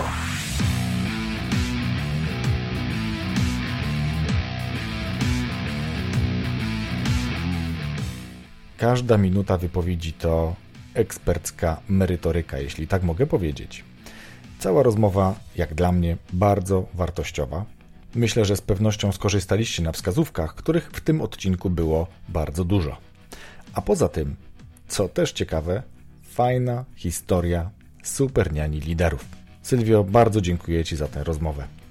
Dziękuję również Wam, drodzy słuchacze, za wysłuchanie tego odcinka i jesteśmy w kontakcie do następnego piątku, kiedy to nowy odcinek. Bo jak wiecie, rozwój osobisty dla każdego od rana piątek gotowy dla Was. Wszystkiego dobrego. Pozdrawiam serdecznie.